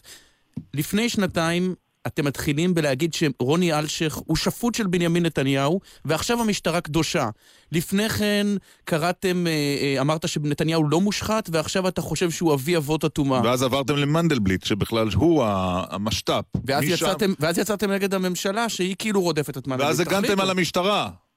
אוקיי. משטרה לא קדושה, היא אף פעם לא קדושה. הטיפול שלה ברוני ריטמן זו חרפה. גם הטיפול של המפכ"ל ברוני ריטמן זה חרפה. אין לזה קשר לזה שאם המפכ"ל עושה דברים טובים וחשובים, צריך למחוא לו כפיים. ואכן המינוי של המפכ"ל היה מאוד מאוד בעייתי, כמו המינוי של מבקר המדינה, כמו המינוי של היועץ המשפטי לממשלה. חלק מבעלי התפקידים האלה זקפו גב גם מול הממנה, חלק לא, מותר להשמיע ביקורת. מאה אחוז. מותר לדייק את הביקורת. לא, אבל השאלה היא האם אתה, אלדד יניב, עדיין, עדיין חוזר על מה שכתבת גם בספר שלך בזמנו, וגם אמרת בשבוע, בחודשים האחרונים, שבנימין נתניהו איננו מושחת, ואם הוא לא מושחת, מה אתה עושה ברחובות? טוב, אני מזכיר לך שאני הייתי הראשון שחשף את הסרטון על הדולרים בגרביים. אדם שמחזיק דולרים בגרביים, הוא לא בדיוק נו, שומר חוק. אז איך הוא לא מושחת? לפי, לפי, לפי דבריך, לא, לא ירון אמר, אמר את זה. מי אמר שהוא לא מושחת? אני כבר אמרתי 200 פעם. נתניהו הוא מושחת ברמה הציבורית בדיוק בסטנדרט שהוא קבע לאולמרט. אין לזה קשר לזכותו לחזקת חפות ולזכות שלו להיאבק על צדקתו ולזכות שלו ללכת לבתי משפט כשיוגש נגדו כתב אישום, להיאבק ואפילו לצאת זכאי. זה זכותו המלאה, אף אחד לא כופר בזכות הזאת. נתניהו קבע את הסטנדרט לאולמרט, זה הסטנדרט שהוא קבע. זה היה הסטנדרט בימים שהוא דיבר אמת. שכשראש ממשלה תובע בחקירות פליליות, הוא לא יכול להמשיך להיות ראש ממשלה. מה מורכב להבין את זה? זה הרי דברי אלוהים חיים שהוא בעצמו אמר. והסטנדרט הזה, הוא יצטרך לאכוף את זה על עצמו, לא תהיה לו ברירה. אתמול... ועוד רגע, כשיהיו מסקנות המשטרה. זהו, לגבי המסקנות והחלטת היועץ המשפטי לממשלה, היועץ מנדלבליט אתמול uh, התייחס לביקורת עליו, כנראה גם לביקורת שלך. הנה דברים שהוא אמר uh, אמש. רק הראיות יקבעו. לא הסיסמאות, לא הציוצים ולא הכותרות. אנחנו לא קבלני הרשאות, ואנחנו לא נפחד לקבל החלטות קשות כשצריך. הכל יהיה לפי הספר, הכל יהיה לאחר לימוד מעמיק ויסודי של חומר הראיות. מה אתה אומר, אלדד יניב, על הדברים של היועץ? שחבל שהיועץ מנדלבליט לא הקשיב ליועץ מנדלבליט בוועדת הכנסת לפני קצת יותר משנה, כשהוא השיב לחברי הכנסת והוא אמר, אני מבין את המשמעות העמוקה של לדווח לציבור מה קורה בחקירות ראש ממשלה. מאז, חוץ מלהקריא כל מיני פתגמים בכל מיני אירועים, הוא אף פעם לא עמד מול הציבור הישראלי ודיווח לו במה חשוב. אבל למה הוא צריך לדווח? תגיד לי, הרי אני באמת לא מצליח להבין... לא, אלדד, אני לא מצליח להבין את הטיעון. בהתחלה, כשהחקירות עמדו להסתיים תוך כמה שבועות, אמרתם המשטרה מכסה והיא לא רוצה לחקור והפרקליטות מכסה עליהם. ואז התרחבו החקירות וכללו מן הסתם עוד אנשים, אחרת לא היו מגיעים לאריה הרועד מדינה. אז עכשיו אומרים שהחקירות מתמשכות. האם יכול להיות שכל מה שרוצים המפגינים ברוטשילד זה לא באמת להילחם בשחיתות, אלא 99.99% שם הם אנשי שמאל שמה שהם רוצים זה שבנימין נתניהו ילך הביתה. וזה לא משנה בכלל אם זה על שחיתות או, או משהו אחר. אז אני אעיר קודם הערה בעניין מנדלבליט. מנדלבליט הזה זה הבן אדם שיום, יומיים שלושה אחרי שדרוקר פוצץ את פרשת הצוללות, מיהר כן לדווח לציבור בהודעה מאוד מפורטת שאין פן פלילי בפרשת הצוללות. נכון. לכן הוא הראשון שצריך היום לדווח לציבור הפוך, להסביר למה הוא אמר את מה שהוא אמר אז, מה קורה בפרשה הזאת, מי באמת נחקר בפרשה הזאת, מי חשוד מבלי לפגוע בחקירה, ברור שזה לא תוכנית ריאליטי, לא צריך לשתף את, ה, את הציבור בפרטי הפרטים של החקירה, אבל לתת תמונת מצב על חקירה של אנשים, בטח ראש ממשלה מכהן, בטח ראש ממשלה שמקבל החלטות אה, אה, בעניינים שקשורים לכלל הציבור, okay. אוקיי. ראש הממשלה הזה שאמר על אולמרט את מה שהוא אמר, בוודאי שהוא חייב בחובה לפני, לפני אין... שניפרד אלדד יניב, בשבת הקרובה אתם אה, מפצלים כוחות שוב, אתה ומני נפתלי? אמרתי, אני עושה את כל מה שאני יכול, אנחנו uh, מדברים הרבה, אני עושה את כל מה שאני יכול, ושהמחאה הזאת uh, תהיה מאוחדת, ושהמוצר... ובתשובה לשאלתי... הדמוקרטיה. אני עונה לך, אחי, תאמין לי, הלוואי וכולם יענו לך בצורה, בצורה מדויקת כמו, כמו שאני עונה לך בלי להתחמק. אנחנו מתלבטים, לבוא לפתח תקווה או לבוא לרוטשילד?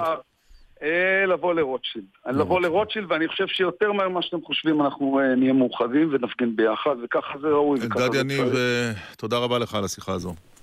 ביי ביי, יום טוב. יש איזה ציוץ או שניים אחרי... אה, ילד שלל- יניב, היו הרבה הצעות לשאלות לילד יניב. אה, כן? כן. שלא שאלנו. שלא שאלנו. טוב. אז אלדד יניב, כותב דודי, אז אלדד יניב מספר שהפגנות שלו פורצות דרך וגדלות מיום ליום, ככה זה כשאתה עוקב בטוויטר רק אחרי החברים מהשמאל. Mm. המציאות שלך היא דמיונית, זה לא דומה ל-2011 בשום צורה. עכשיו איתנו מועמדת מפתיעה לראשות מרץ. שלום זהבה גלאון. שלום ירון, האם שמעתי נימה של ציניות בדבריך? אה, נימה קלה, דוק של ציניות קל. הסבר. יגידו לך אנשים, אה, ניסית פעמיים. את חברת כנסת בהפסקות משנת 1999. אולי הגיע הזמן לנסות משהו חדש. אוקיי, אתה מדבר עמית עם מישהי שהמציאה רגע מחדש את מרץ. אני רוצה להזכיר לך שכל הרוח החדשה שאנחנו רואים אותה עכשיו, המתפקדים החדשים והרעיונות החדשים והאנרגיות החדשות, אה, מי שמביאה אותם זו אני, יושבת הראש הישנה. ואני גם תוהה אם הייתם שואלים, אני מודה שזה קופץ לי עכשיו ופתאום ככה, אה, גברים שהתמודדו במפלגות אחרות, שהם... אה, אה, שאלנו את אבי גבאי, אומנם מה, השאלה היא- שאלה השאלה היא מוטה אחרת. מבחינה מגדרית? אני חושבת שלא היו שואלים שאלה כזאת מישהי שנמצאת בכנסת כך וכך זמן לא, גבר, אבל לא בגלל, ה- לא קראנו לך לפרוש חלילה, רק שאלנו, יש הרי ארבעה מועמדים חדשים, האם במסגרת מהלך ההתרעננות של מרץ, שאת הובלת, לא הגיע הזמן גם לרענן את עמדת היושב ראש? זה לא מגדרי. אני הבנתי, אוקיי. השאלה מופנית אני- לגברים ולנשים כאחד. כן, למרות שהשתמשת בלשון נקבה במקרה של זהבה גלאון, כן. ההעברה- הייתה חשובה. אה, עמית, אני חידשתי את מרץ, החדשנות זה מה שאני הבאתי איתי. אני חושבת שמה שמרץ צריכה עכשיו, אחרי שניסו אה, לסכל את המהלך הזה של החדשנות, אני מזכירה לכם, איך גררו אותי בנוצות וזפת כשרציתי לפתוח את השורות, אותם אלו שהיום או חלקם מתמודדים, איך ניסו להדיח אותי מהתפקיד שלי, כי אמרו, מה פתאום לפתוח את השורות? קודם כל, אני שמחה שהצלחתי לפתוח את השורות, ויש מתמודדים ראויים, כל אחד מהם יכול להיות חבר כנסת מטעם מרץ בקדנציה הבאה. אני חושבת שאם אני אעמוד בראשות מרץ, כי מרץ צריכה מנהיגה, אני חושבת שיהיו אנשים נוספים שיצטרפו למרץ, ויהיו חיבורים שיקרו לשמאל גדול, רק אם מרץ תהיה תני לנו בראשותי, כך שמות. אני מאמינה. שמות של מי? של מי שהצטרפו. מדברת מתוך אה, ידיעה או מתוך תקווה? לא, אני מדברת גם מתוך הידיעה או הערכה אה, די מבוססת. אני מדברת בחודשים האחרונים עם הרבה גורמים, גם בתוך המערכת הפוליטית וגם מחוצה לה, שאם מרץ אה, תפתח את השורות ותאפשר לעוד אנשים להתמודד, אה, ואני חושבת שבהחלט לכנסת תהיה אפשרות להרבה מאוד אנשים להתמודד, אפשר יהיה להקים כאן שמאל גדול ולעשות חיבורים חדשים. תראו... אבל, כן. אבל כן, השמאל, תראו. השמאל- אבל המדינה הולכת ימינה, אה, זהבה גלאון. על איזה שמאל את מדברת? אני מסתכלת על אה, מה שקורה גם במפלגה לימיננו, המחנה הציוני, וגם מה שקורה ימינה להם, ואני חושבת שאפשר לעשות כאן מסגרת אחרת גדולה. וכמו שפתחתי את מרץ, אה, הייתי אומרת, המצאתי את מרץ מחדש, אני מעריכה שאני יכולה אה, לפתוח את השמאל לשמאל גדול, כל המסגרת על איזה הפוליטית פלטפורמה? אבל חברת? הכנסת... כן. לא, מה? של תהליך שלום שלא קיים. אה, על איזה פלטפורמה? על שלא מה- על איזה. אג'נדה תרוצו? אני אגיד, אני אגיד בדיוק. מרצ היא לא מפלגת נישה, אנחנו לא מתעסקים רק בנושאים קטנים. אנחנו בהחלט נרוץ על הפלטפורמה הגדולה של מאבק לחברה צודקת. כן, למהלך של... פתרון של שתי מדינות, שתי מדינות, ולא למהלך של סיפוח, ולא למהלך של אה, עוד סיפוח והצעות חוק הזויות שאנחנו עוברים. תראו מה קורה כרגע בחברה הישראלית. אנחנו ככה עוברים על זה, טומנים את הראש בחול, זה לידינו.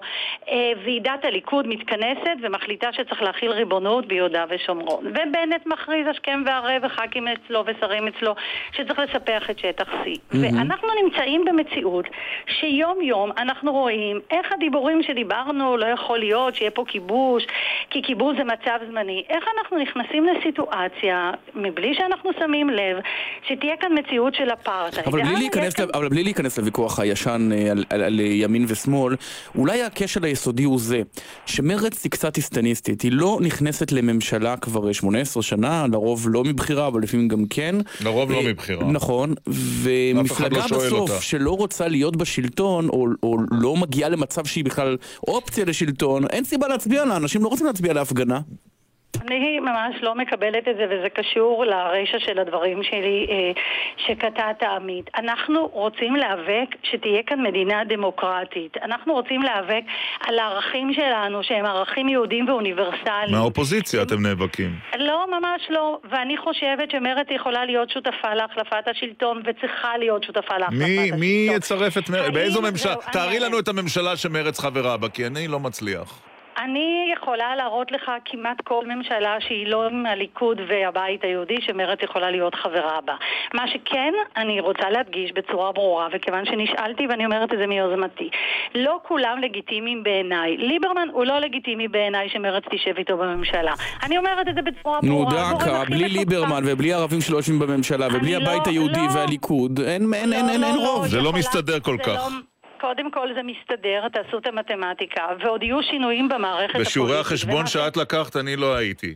כן, אבל אני, הייתי, אבל אני קיבלתי עשר בבגרות במתמטיקה. באיזה, כמה יחידות? לדעתי שלוש. אה, אוקיי. כן. אבל זה גם משהו, אתה יודע. יש מקום לשיפור. דרך אגב, אני חושבת, אם אנחנו מדברים על שלוש יחידות, שהמאבק למצוינות של בנט לחמש יחידות הוא חשוב, אבל הוא מותיר בחוץ המון המון אנשים שחשוב שילמדו שלוש יחידות. לפני החמש יחידות. יכול להיות שלפני הבחירות גם תצטרכו להחליט אם מרצ היא ציונית או לא ציונית. אז אני לא כל כך מבינה, אני חייבת להודות. כי מוסי רז למשל חבר הכנסת החליט שהודיע שהיא כן, אני, לא. א', הוא לא החליט, וב', הוא לא יודיע, ואני לא מבינה למה צריך להעמיד את אה, נציגי מרצ שמתמודדים, אני שומעת אתכם בקביעות, במבחני הנאמנות האלה. אני הכרזתי, אני עומדת בראש מרצ, והכרזתי בצורה ברורה. מרצ היא מפלגת שמאל ציונית, אבל היא גם מפלגה ישראלית שיש בה חברים יהודים וערבים. ולכן אנחנו חושבים, מתוך איזושהי הכרה, ואחריות אפילו הייתי אומרת, בחברינו הערבים, ומתוך חוסר רצון לתת להם גט כריתות, אנחנו אומרים שהערבים יגדירו את עצמם כמו שהם מוצאים לנכון, פלסטינים אזרחי ישראל, כן, ואנחנו כן. ציונים, טוב. שמאלנים ציונים. לא, אני רוצה... אין לך, אין לך היסוס, אני גם לא שומע היסוס בקולך, מבחינתך הדרך ברורה. אני, רוצ, אני רוצה לשאול אותך, לא, אני רוצה, כרון ברשותך, אני רוצה שאם תראיין עוד אנשים ממרצ שהם מועמדים לתפקידים כן, כאלה או לא- אחרים, מה לשאול? אל תעמיד אותנו במבחן, לא, לא מה לשאול, אני לא קובעת לכם מה לשאול, אני קובעת לכם מה לא לשאול. תודה. אה, מה לא לשאול, זה אותו דבר, כן. אני אגיד, אני אגיד, אל תעמידו אותנו במבחני הנאמנות האלה שאנחנו פחות ציונים, אנחנו יותר ציונים מהבית היהודי אבל אתם. אתם הצפתם את זה, באמת, ח- זהבה גלאון, אנחנו... אני- אבל חשבתי שהרב... תבואי בטענות למוסי רז, הוא... אין לי אה, טענה למוסי רז. אז תבואי אליו אני יכול לשאול בטענות. שאלה קצת פולנית? מוסי הכריז שהוא מקבל פולנית זה בדיוק טוב. את העמדה. את העמדה שאני הצגתי. מרצ היא מפלגת שמאל ציונית, נקודה. אוקיי, אני הבוקר בוודאי צריך לשאול? שאלות פולניות. הבוקר זה מתאים. השאלה הפולנית היא כדלהלן, את קראת לישראל להחזיר את השגריר מ- מפולין, את השגרירה. בגלל אה, אותו... אני, לא קראתי, אבל אני, אבל אני לא מתנגדת אה, לרעיון הזה. אה, אדרבה, אוקיי, הזדהיתי בקריאה, היה. נדמה לי ששמעת לך איפשהו מדברת על זה. אה, האם לא הגיע הזמן לאור זאת, גם לנתק כל מגע מישות מדינתית אחרת שהעומד בראשה הוא מכחיש שואה, כתב ספר שפקפק במספר הנספים בשואה, לא הוא אבו אוי, מאזן. יופי, עמית, נו, מצחיק השאלה היא. מבחינה מגדרית השאלה היא בסדר רק? מבחינה מגדרית היא בסדר, אוקיי. אבל בואו נדבר מהותית. אני חושבת שהריקוד טנגו הזה של נתניהו עם משטרים אנטישמיים, בסופו של דבר לא עוזר לו. זה לא עבד וזה לא יעבוד. ואני מהמם. רוצה להגיד, אני אז רוצה הגיע הזמן להגיד לנתק ככה. מגע גם עם ג'רמי קורבין?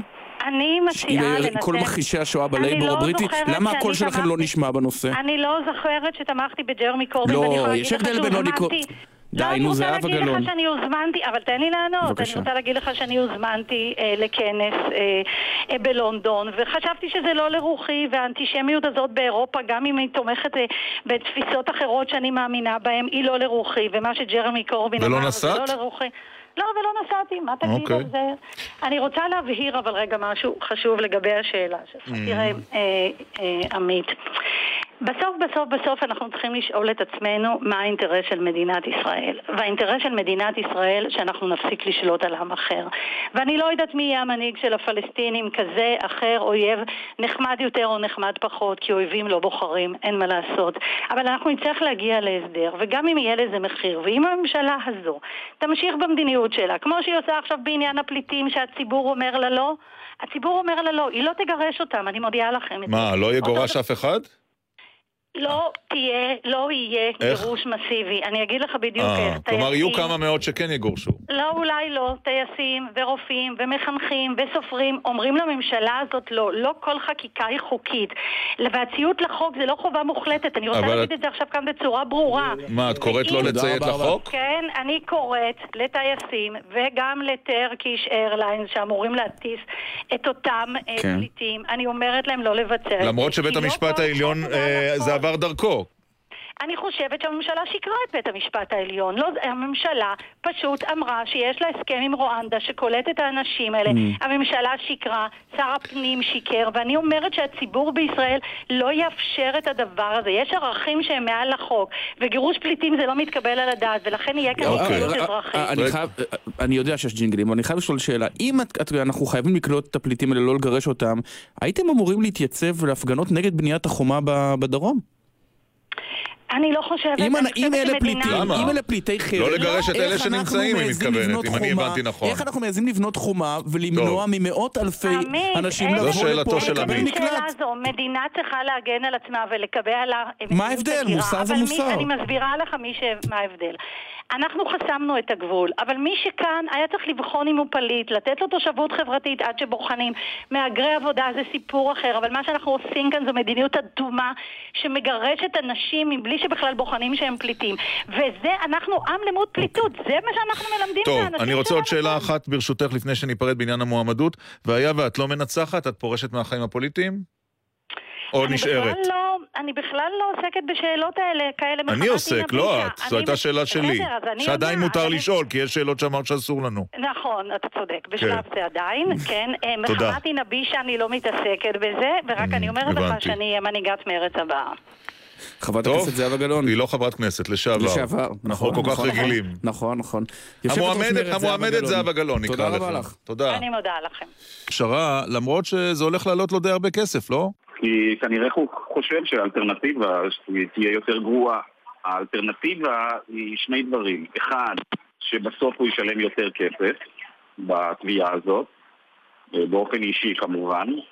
ושתיים, שעד שהוא ישלם את הכסף, בדיון שיהיה בבית המשפט, הוא יישאל שאלות שהוא לא מעוניין להישאל, ולכן הוא מחליט ללכת לפשרה. תן רעיון לכמה שאלות שהוא היה מעדיף להימנע מלהישאל בבית המשפט. תראה, אני חושב שהיו מתחילים לשאול אותו על כל התהליך אה, שהתנהל אה, ערב חלוקת הדיבידנדים הזאת.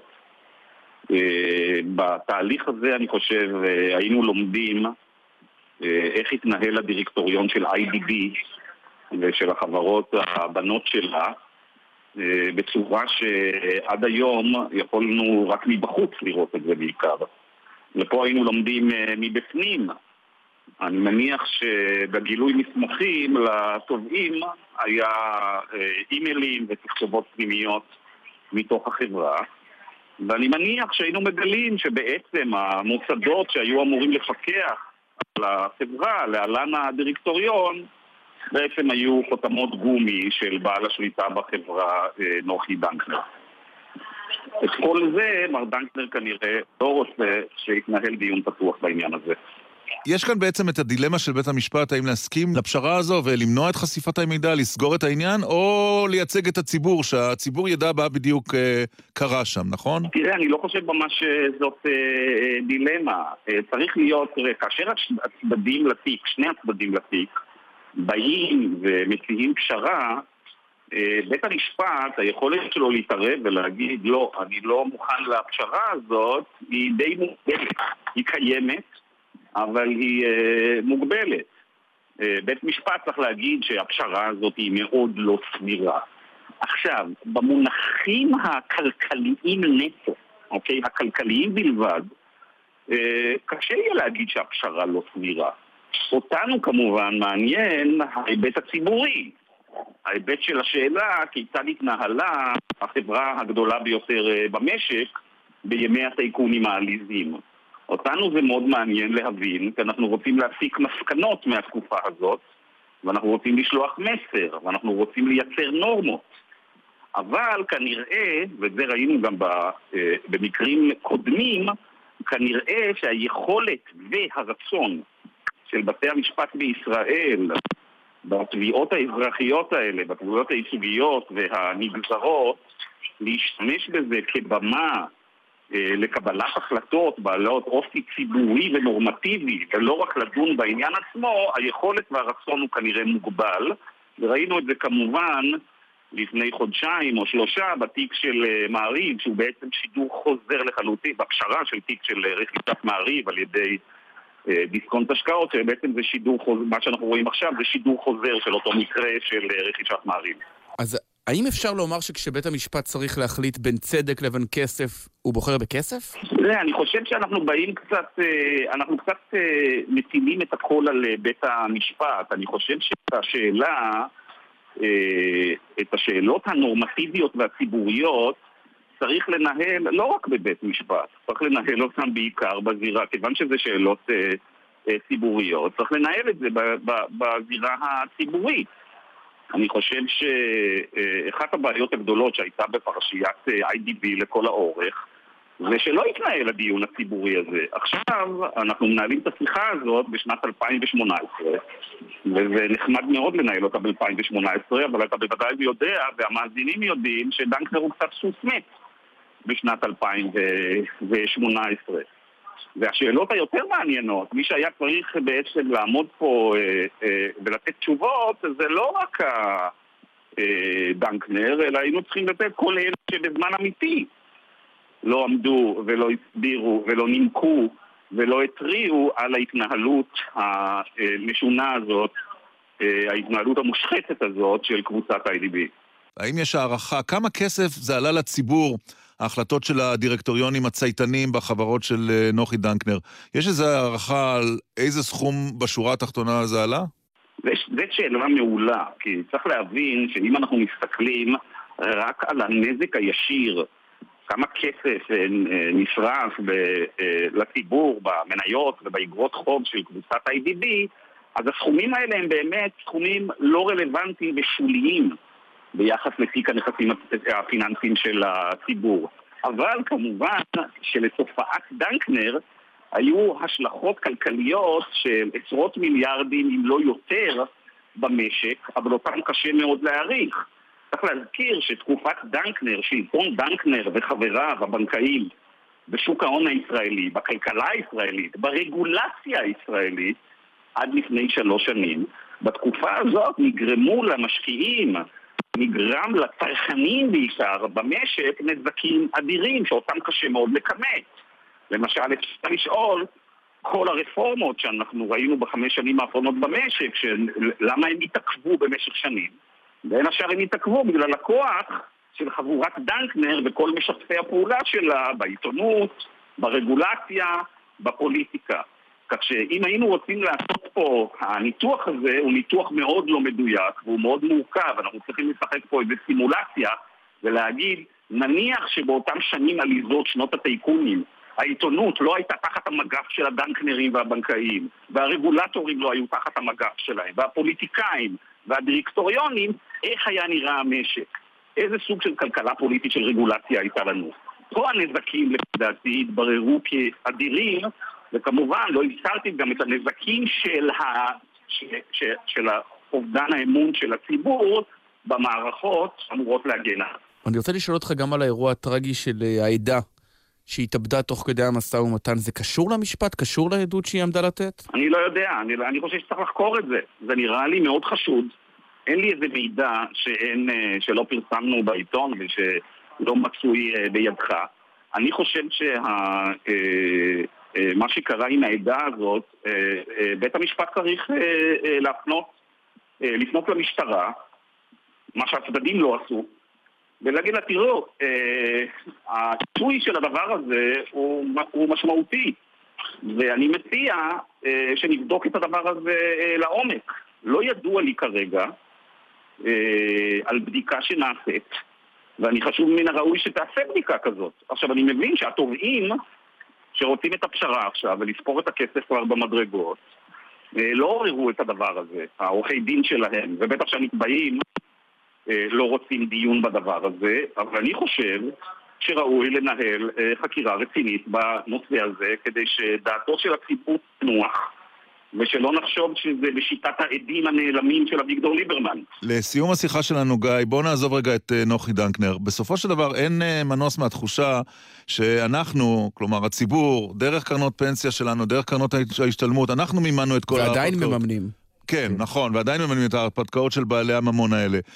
תחושה נכונה אנחנו מבטאים כאן? בוודאי. מי יכול לממן את זה חוץ מהם? צריך לזכור, וזה הדבר שתמיד הזכרנו, אה, בעיתונות מכנים את ה... כינו את האנשים בתקופה עוד שהם היו רלוונטיים, הרי רובם אה, לשמחתנו פשטו את הרגל והתפוגגו בחמש שנים האחרונות, אבל צריך לזכור שבאותם שנים חלק גדול מהעיתונות היה נוהג לקרוא לאנשים האלה בעלי ההון והיו עיתונים אפילו שאמרו שאלה יצרני מקומות העבודה, כל העיתונים ששירתו אותם. אה, אנחנו במרקר טמנו תמיד, אה, טענו תמיד שבכלל לא מדובר בבעלי הון, מדובר בשליטי הון, לאנשים שאין להם בכלל כסף. הם רק שולטים בכסף של אנשים אחרים. חשוב מאוד להדגיש את הדבר הזה, אני חושב שבראיונות ברדיו ובכל מקום אחר הדגשתי את הדבר הזה אלף פעם. זה לא בעלי ההון, זה היו בעלי השליטה בהון. הכסף שהם שלטו בו זה כסף אה, אה, ציבורי, ובמקרים רבים גם הרווחים שהם הציגו היו נגזרת ישירה של חולשת הרגולציה ופחדנות הרגולציה והפוליטיקאים שלא רצו להכניס אה, תחרות אה, בתחומי הפעילות שלהם ולא רצו אה, לקבוע כללי משחק שיגנו על הצרכנים, על משלמי המיסים, על העובדים ועל המשקיעים. גיא רולניק, עורך דה מרקר, מייסד דה מרקר, תודה רבה לך. תודה. ועכשיו, בפינתנו אדם מהיישוב ירון, כן. אנחנו אומרים שלום לנגר. נכון. אלון פרנס ממושב קדרון, שלום. בוקר טוב. אני אוסיף כאן, אני אוסיף כן. כאן אה, הערת uh, סוגריים קטנה שאני מכיר את הנגר כי הוא גם ביצע כמה עבודות נגרות בביתי. זה גילוי נאות חשוב. נכון. יפה. מה... הוא עדיין מתקשר, כנראה שהייתי בסדר. כן. איך נראה, הוא התלונן לאחרונה על איזה ידית, אבל לא נהיה קטנונים. איך נראה יום עבודה של נגר? אה, ארוך, פיזי, ומאוד מעניין.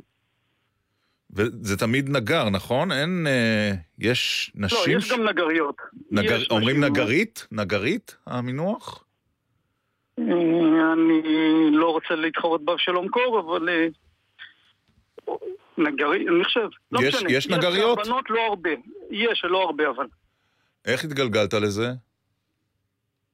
אה, חזרתי מטיול אחרי צבא, ולא יכולתי עוד להתקבל ללימודים כי לא היה לי פסיכומטרי, אז אמרתי, נעשה קורס נגרות, זה תמיד עניין אותי.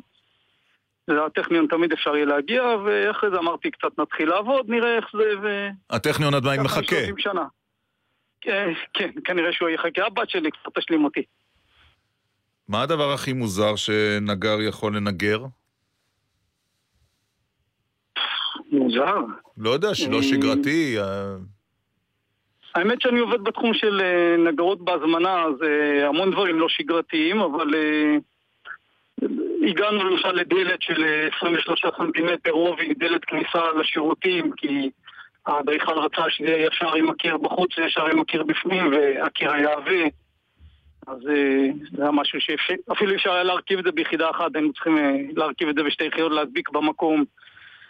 זה היה דבר קצת הזוי, אבל אה, מש... יש היום גבהים מאוד גדולים של תקרות. משהו השתנה במקצוע הזה בשלושים? טכנולוגיה. טכנולוגיה או בלקוחות, מאוד, בדרישה, מאוד בדרישה ש...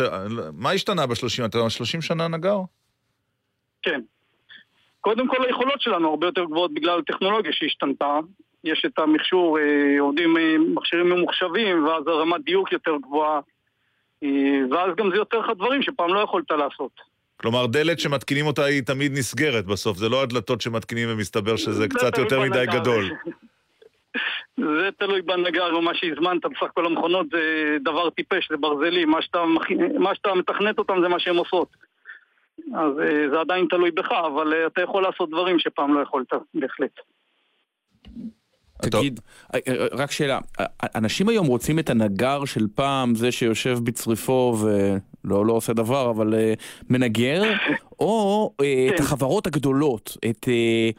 איקאה אולי זה ככה משהו יותר המוני, אבל את החברות שמעסיקות עשרות אנשים וטכנולוגיות יותר מתקדמות. תראה, השוק הוא מגוון, יש לכולם. אה, אנחנו דווקא מברכים על איקאה וכדומיהם, כי הם לוקחים את הפלח שוק הזה שמחפש את הייצור ההמוני והזול, והשאיר לנו את מי שרוצה באמת משהו מיוחד, שמוכן להשקיע ורוצה משהו מיוחד, וזה רק אנחנו יכולים לעשות, החברות הגדולות לא יכולות לעשות את זה. אצלך בבית יש איקאה? או שהגזמתי אה, עכשיו והעלבתי את הנגר? לא, אבל אה, בוא נגיד שאולי אסור להגיד ברדיו, אבל ראיתי שם איזה עיצוב שמצא חן בעיניי, אז אה, לקחתי את זה בתור... אה, העתקתי את הרעיון, לא אחד לאחד, אבל... אבל לאח שלי שהוא רצה עכשיו אה, ארון לחדר של הבן שלו, אמרתי לך תקנה מוכן, זה הרבה יותר וואו. זול, זה יספק אותך. אה, באמת? אני לא יכול להתחרות בהם, כן? יש גם עניין בריאותי, נכון? זה לא, אלה לא החומרים הכי בריאים. שבבי עץ, אולי הלקה, פורמייקה, זה לא הדברים הכי טובים. זה, פח, זה לא בית אם אתה עובד עם אוורור נכון ועובד מסודר, אז זה לא... יש יותר עניין של רעש וסכנה שאתה צריך לשמור על הידיים, אבל אה, אני לא חושב שזה עד כדי כך. היום גם החומרים הרבה יותר מקפידים על הדברים האלה. אתה נחתכת, נפגעת במהלך 30 השנים האחרונות? כלומר, אולי צריך לשאול מתי נפגעת. אני, אני, כן, אני לפני איזה 15-18 שנה הורדתי אצבע אחת. מה, באמת? אבל... הורדנו, אה, קורה, פחת, פחת טבעי. מה, ממש בדיוק, ירדה האצבע? אה, כן, בצורה. שאי אפשר היה לחבר, אז היום אני עם תשע אצבעות, קוריוז נחמד, אבל אה, לא מרגישים ולא רואים, אבל רוב הנגרים שאני מכיר הם עם כל האצבעות. אוי רגע, ואבוי. רגע, רגע, אתה גר- כאילו החלקת את זה ככה בדיוק. מה, איך זה קרה הדבר הזה? או שזה מחזיר אותך לטראומה? אנחנו לא רוצים לעורר כאן טראומות אצל האנשים מן לא היישוב. הייתי מספיק- לא הייתי מספיק זהיר בעבודה, וזה קרה. זה לא כאב אז, זה לא כאב אחר כך, למזלי אין מה, כאבי לא פאנקה, כאב? אה, מה? לא כאב? לא. איך? מה זה לא כאב? איך זה יכול להיות? אצבע יורדת, לא כואב? כנראה מהמתח וזה, משחרר כל מיני חומרים שאתה לא מרגיש את זה בהתחלה. מדהים. וואו. פשוט תפסתי את האצבע, ביקשתי מישהו שיסיע אותי לבית חולים. אוי, אלוהים. אני לא הדאגה הכרתי. הכי- הכי גדולה הייתה איך אני מספר את זה לאשתי.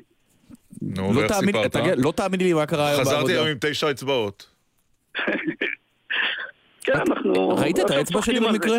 אוי ואבוי. תגיד, אה, אה, אבל זה מחזיר אותנו למשהו יותר בסיסי. בעולם של היום כן. נראה שלהיות במלאכת כפיים, זה, זה מחזיר, אפרופו גם השיחה על, המבקשי המקלט, זה קצת דבר נחות. אתה שם לב שמתייחסים אליך אחרת מאשר נניח מהנדס הייטק, עורך דין, רואה למה זה חשבון, נחות? שדרן?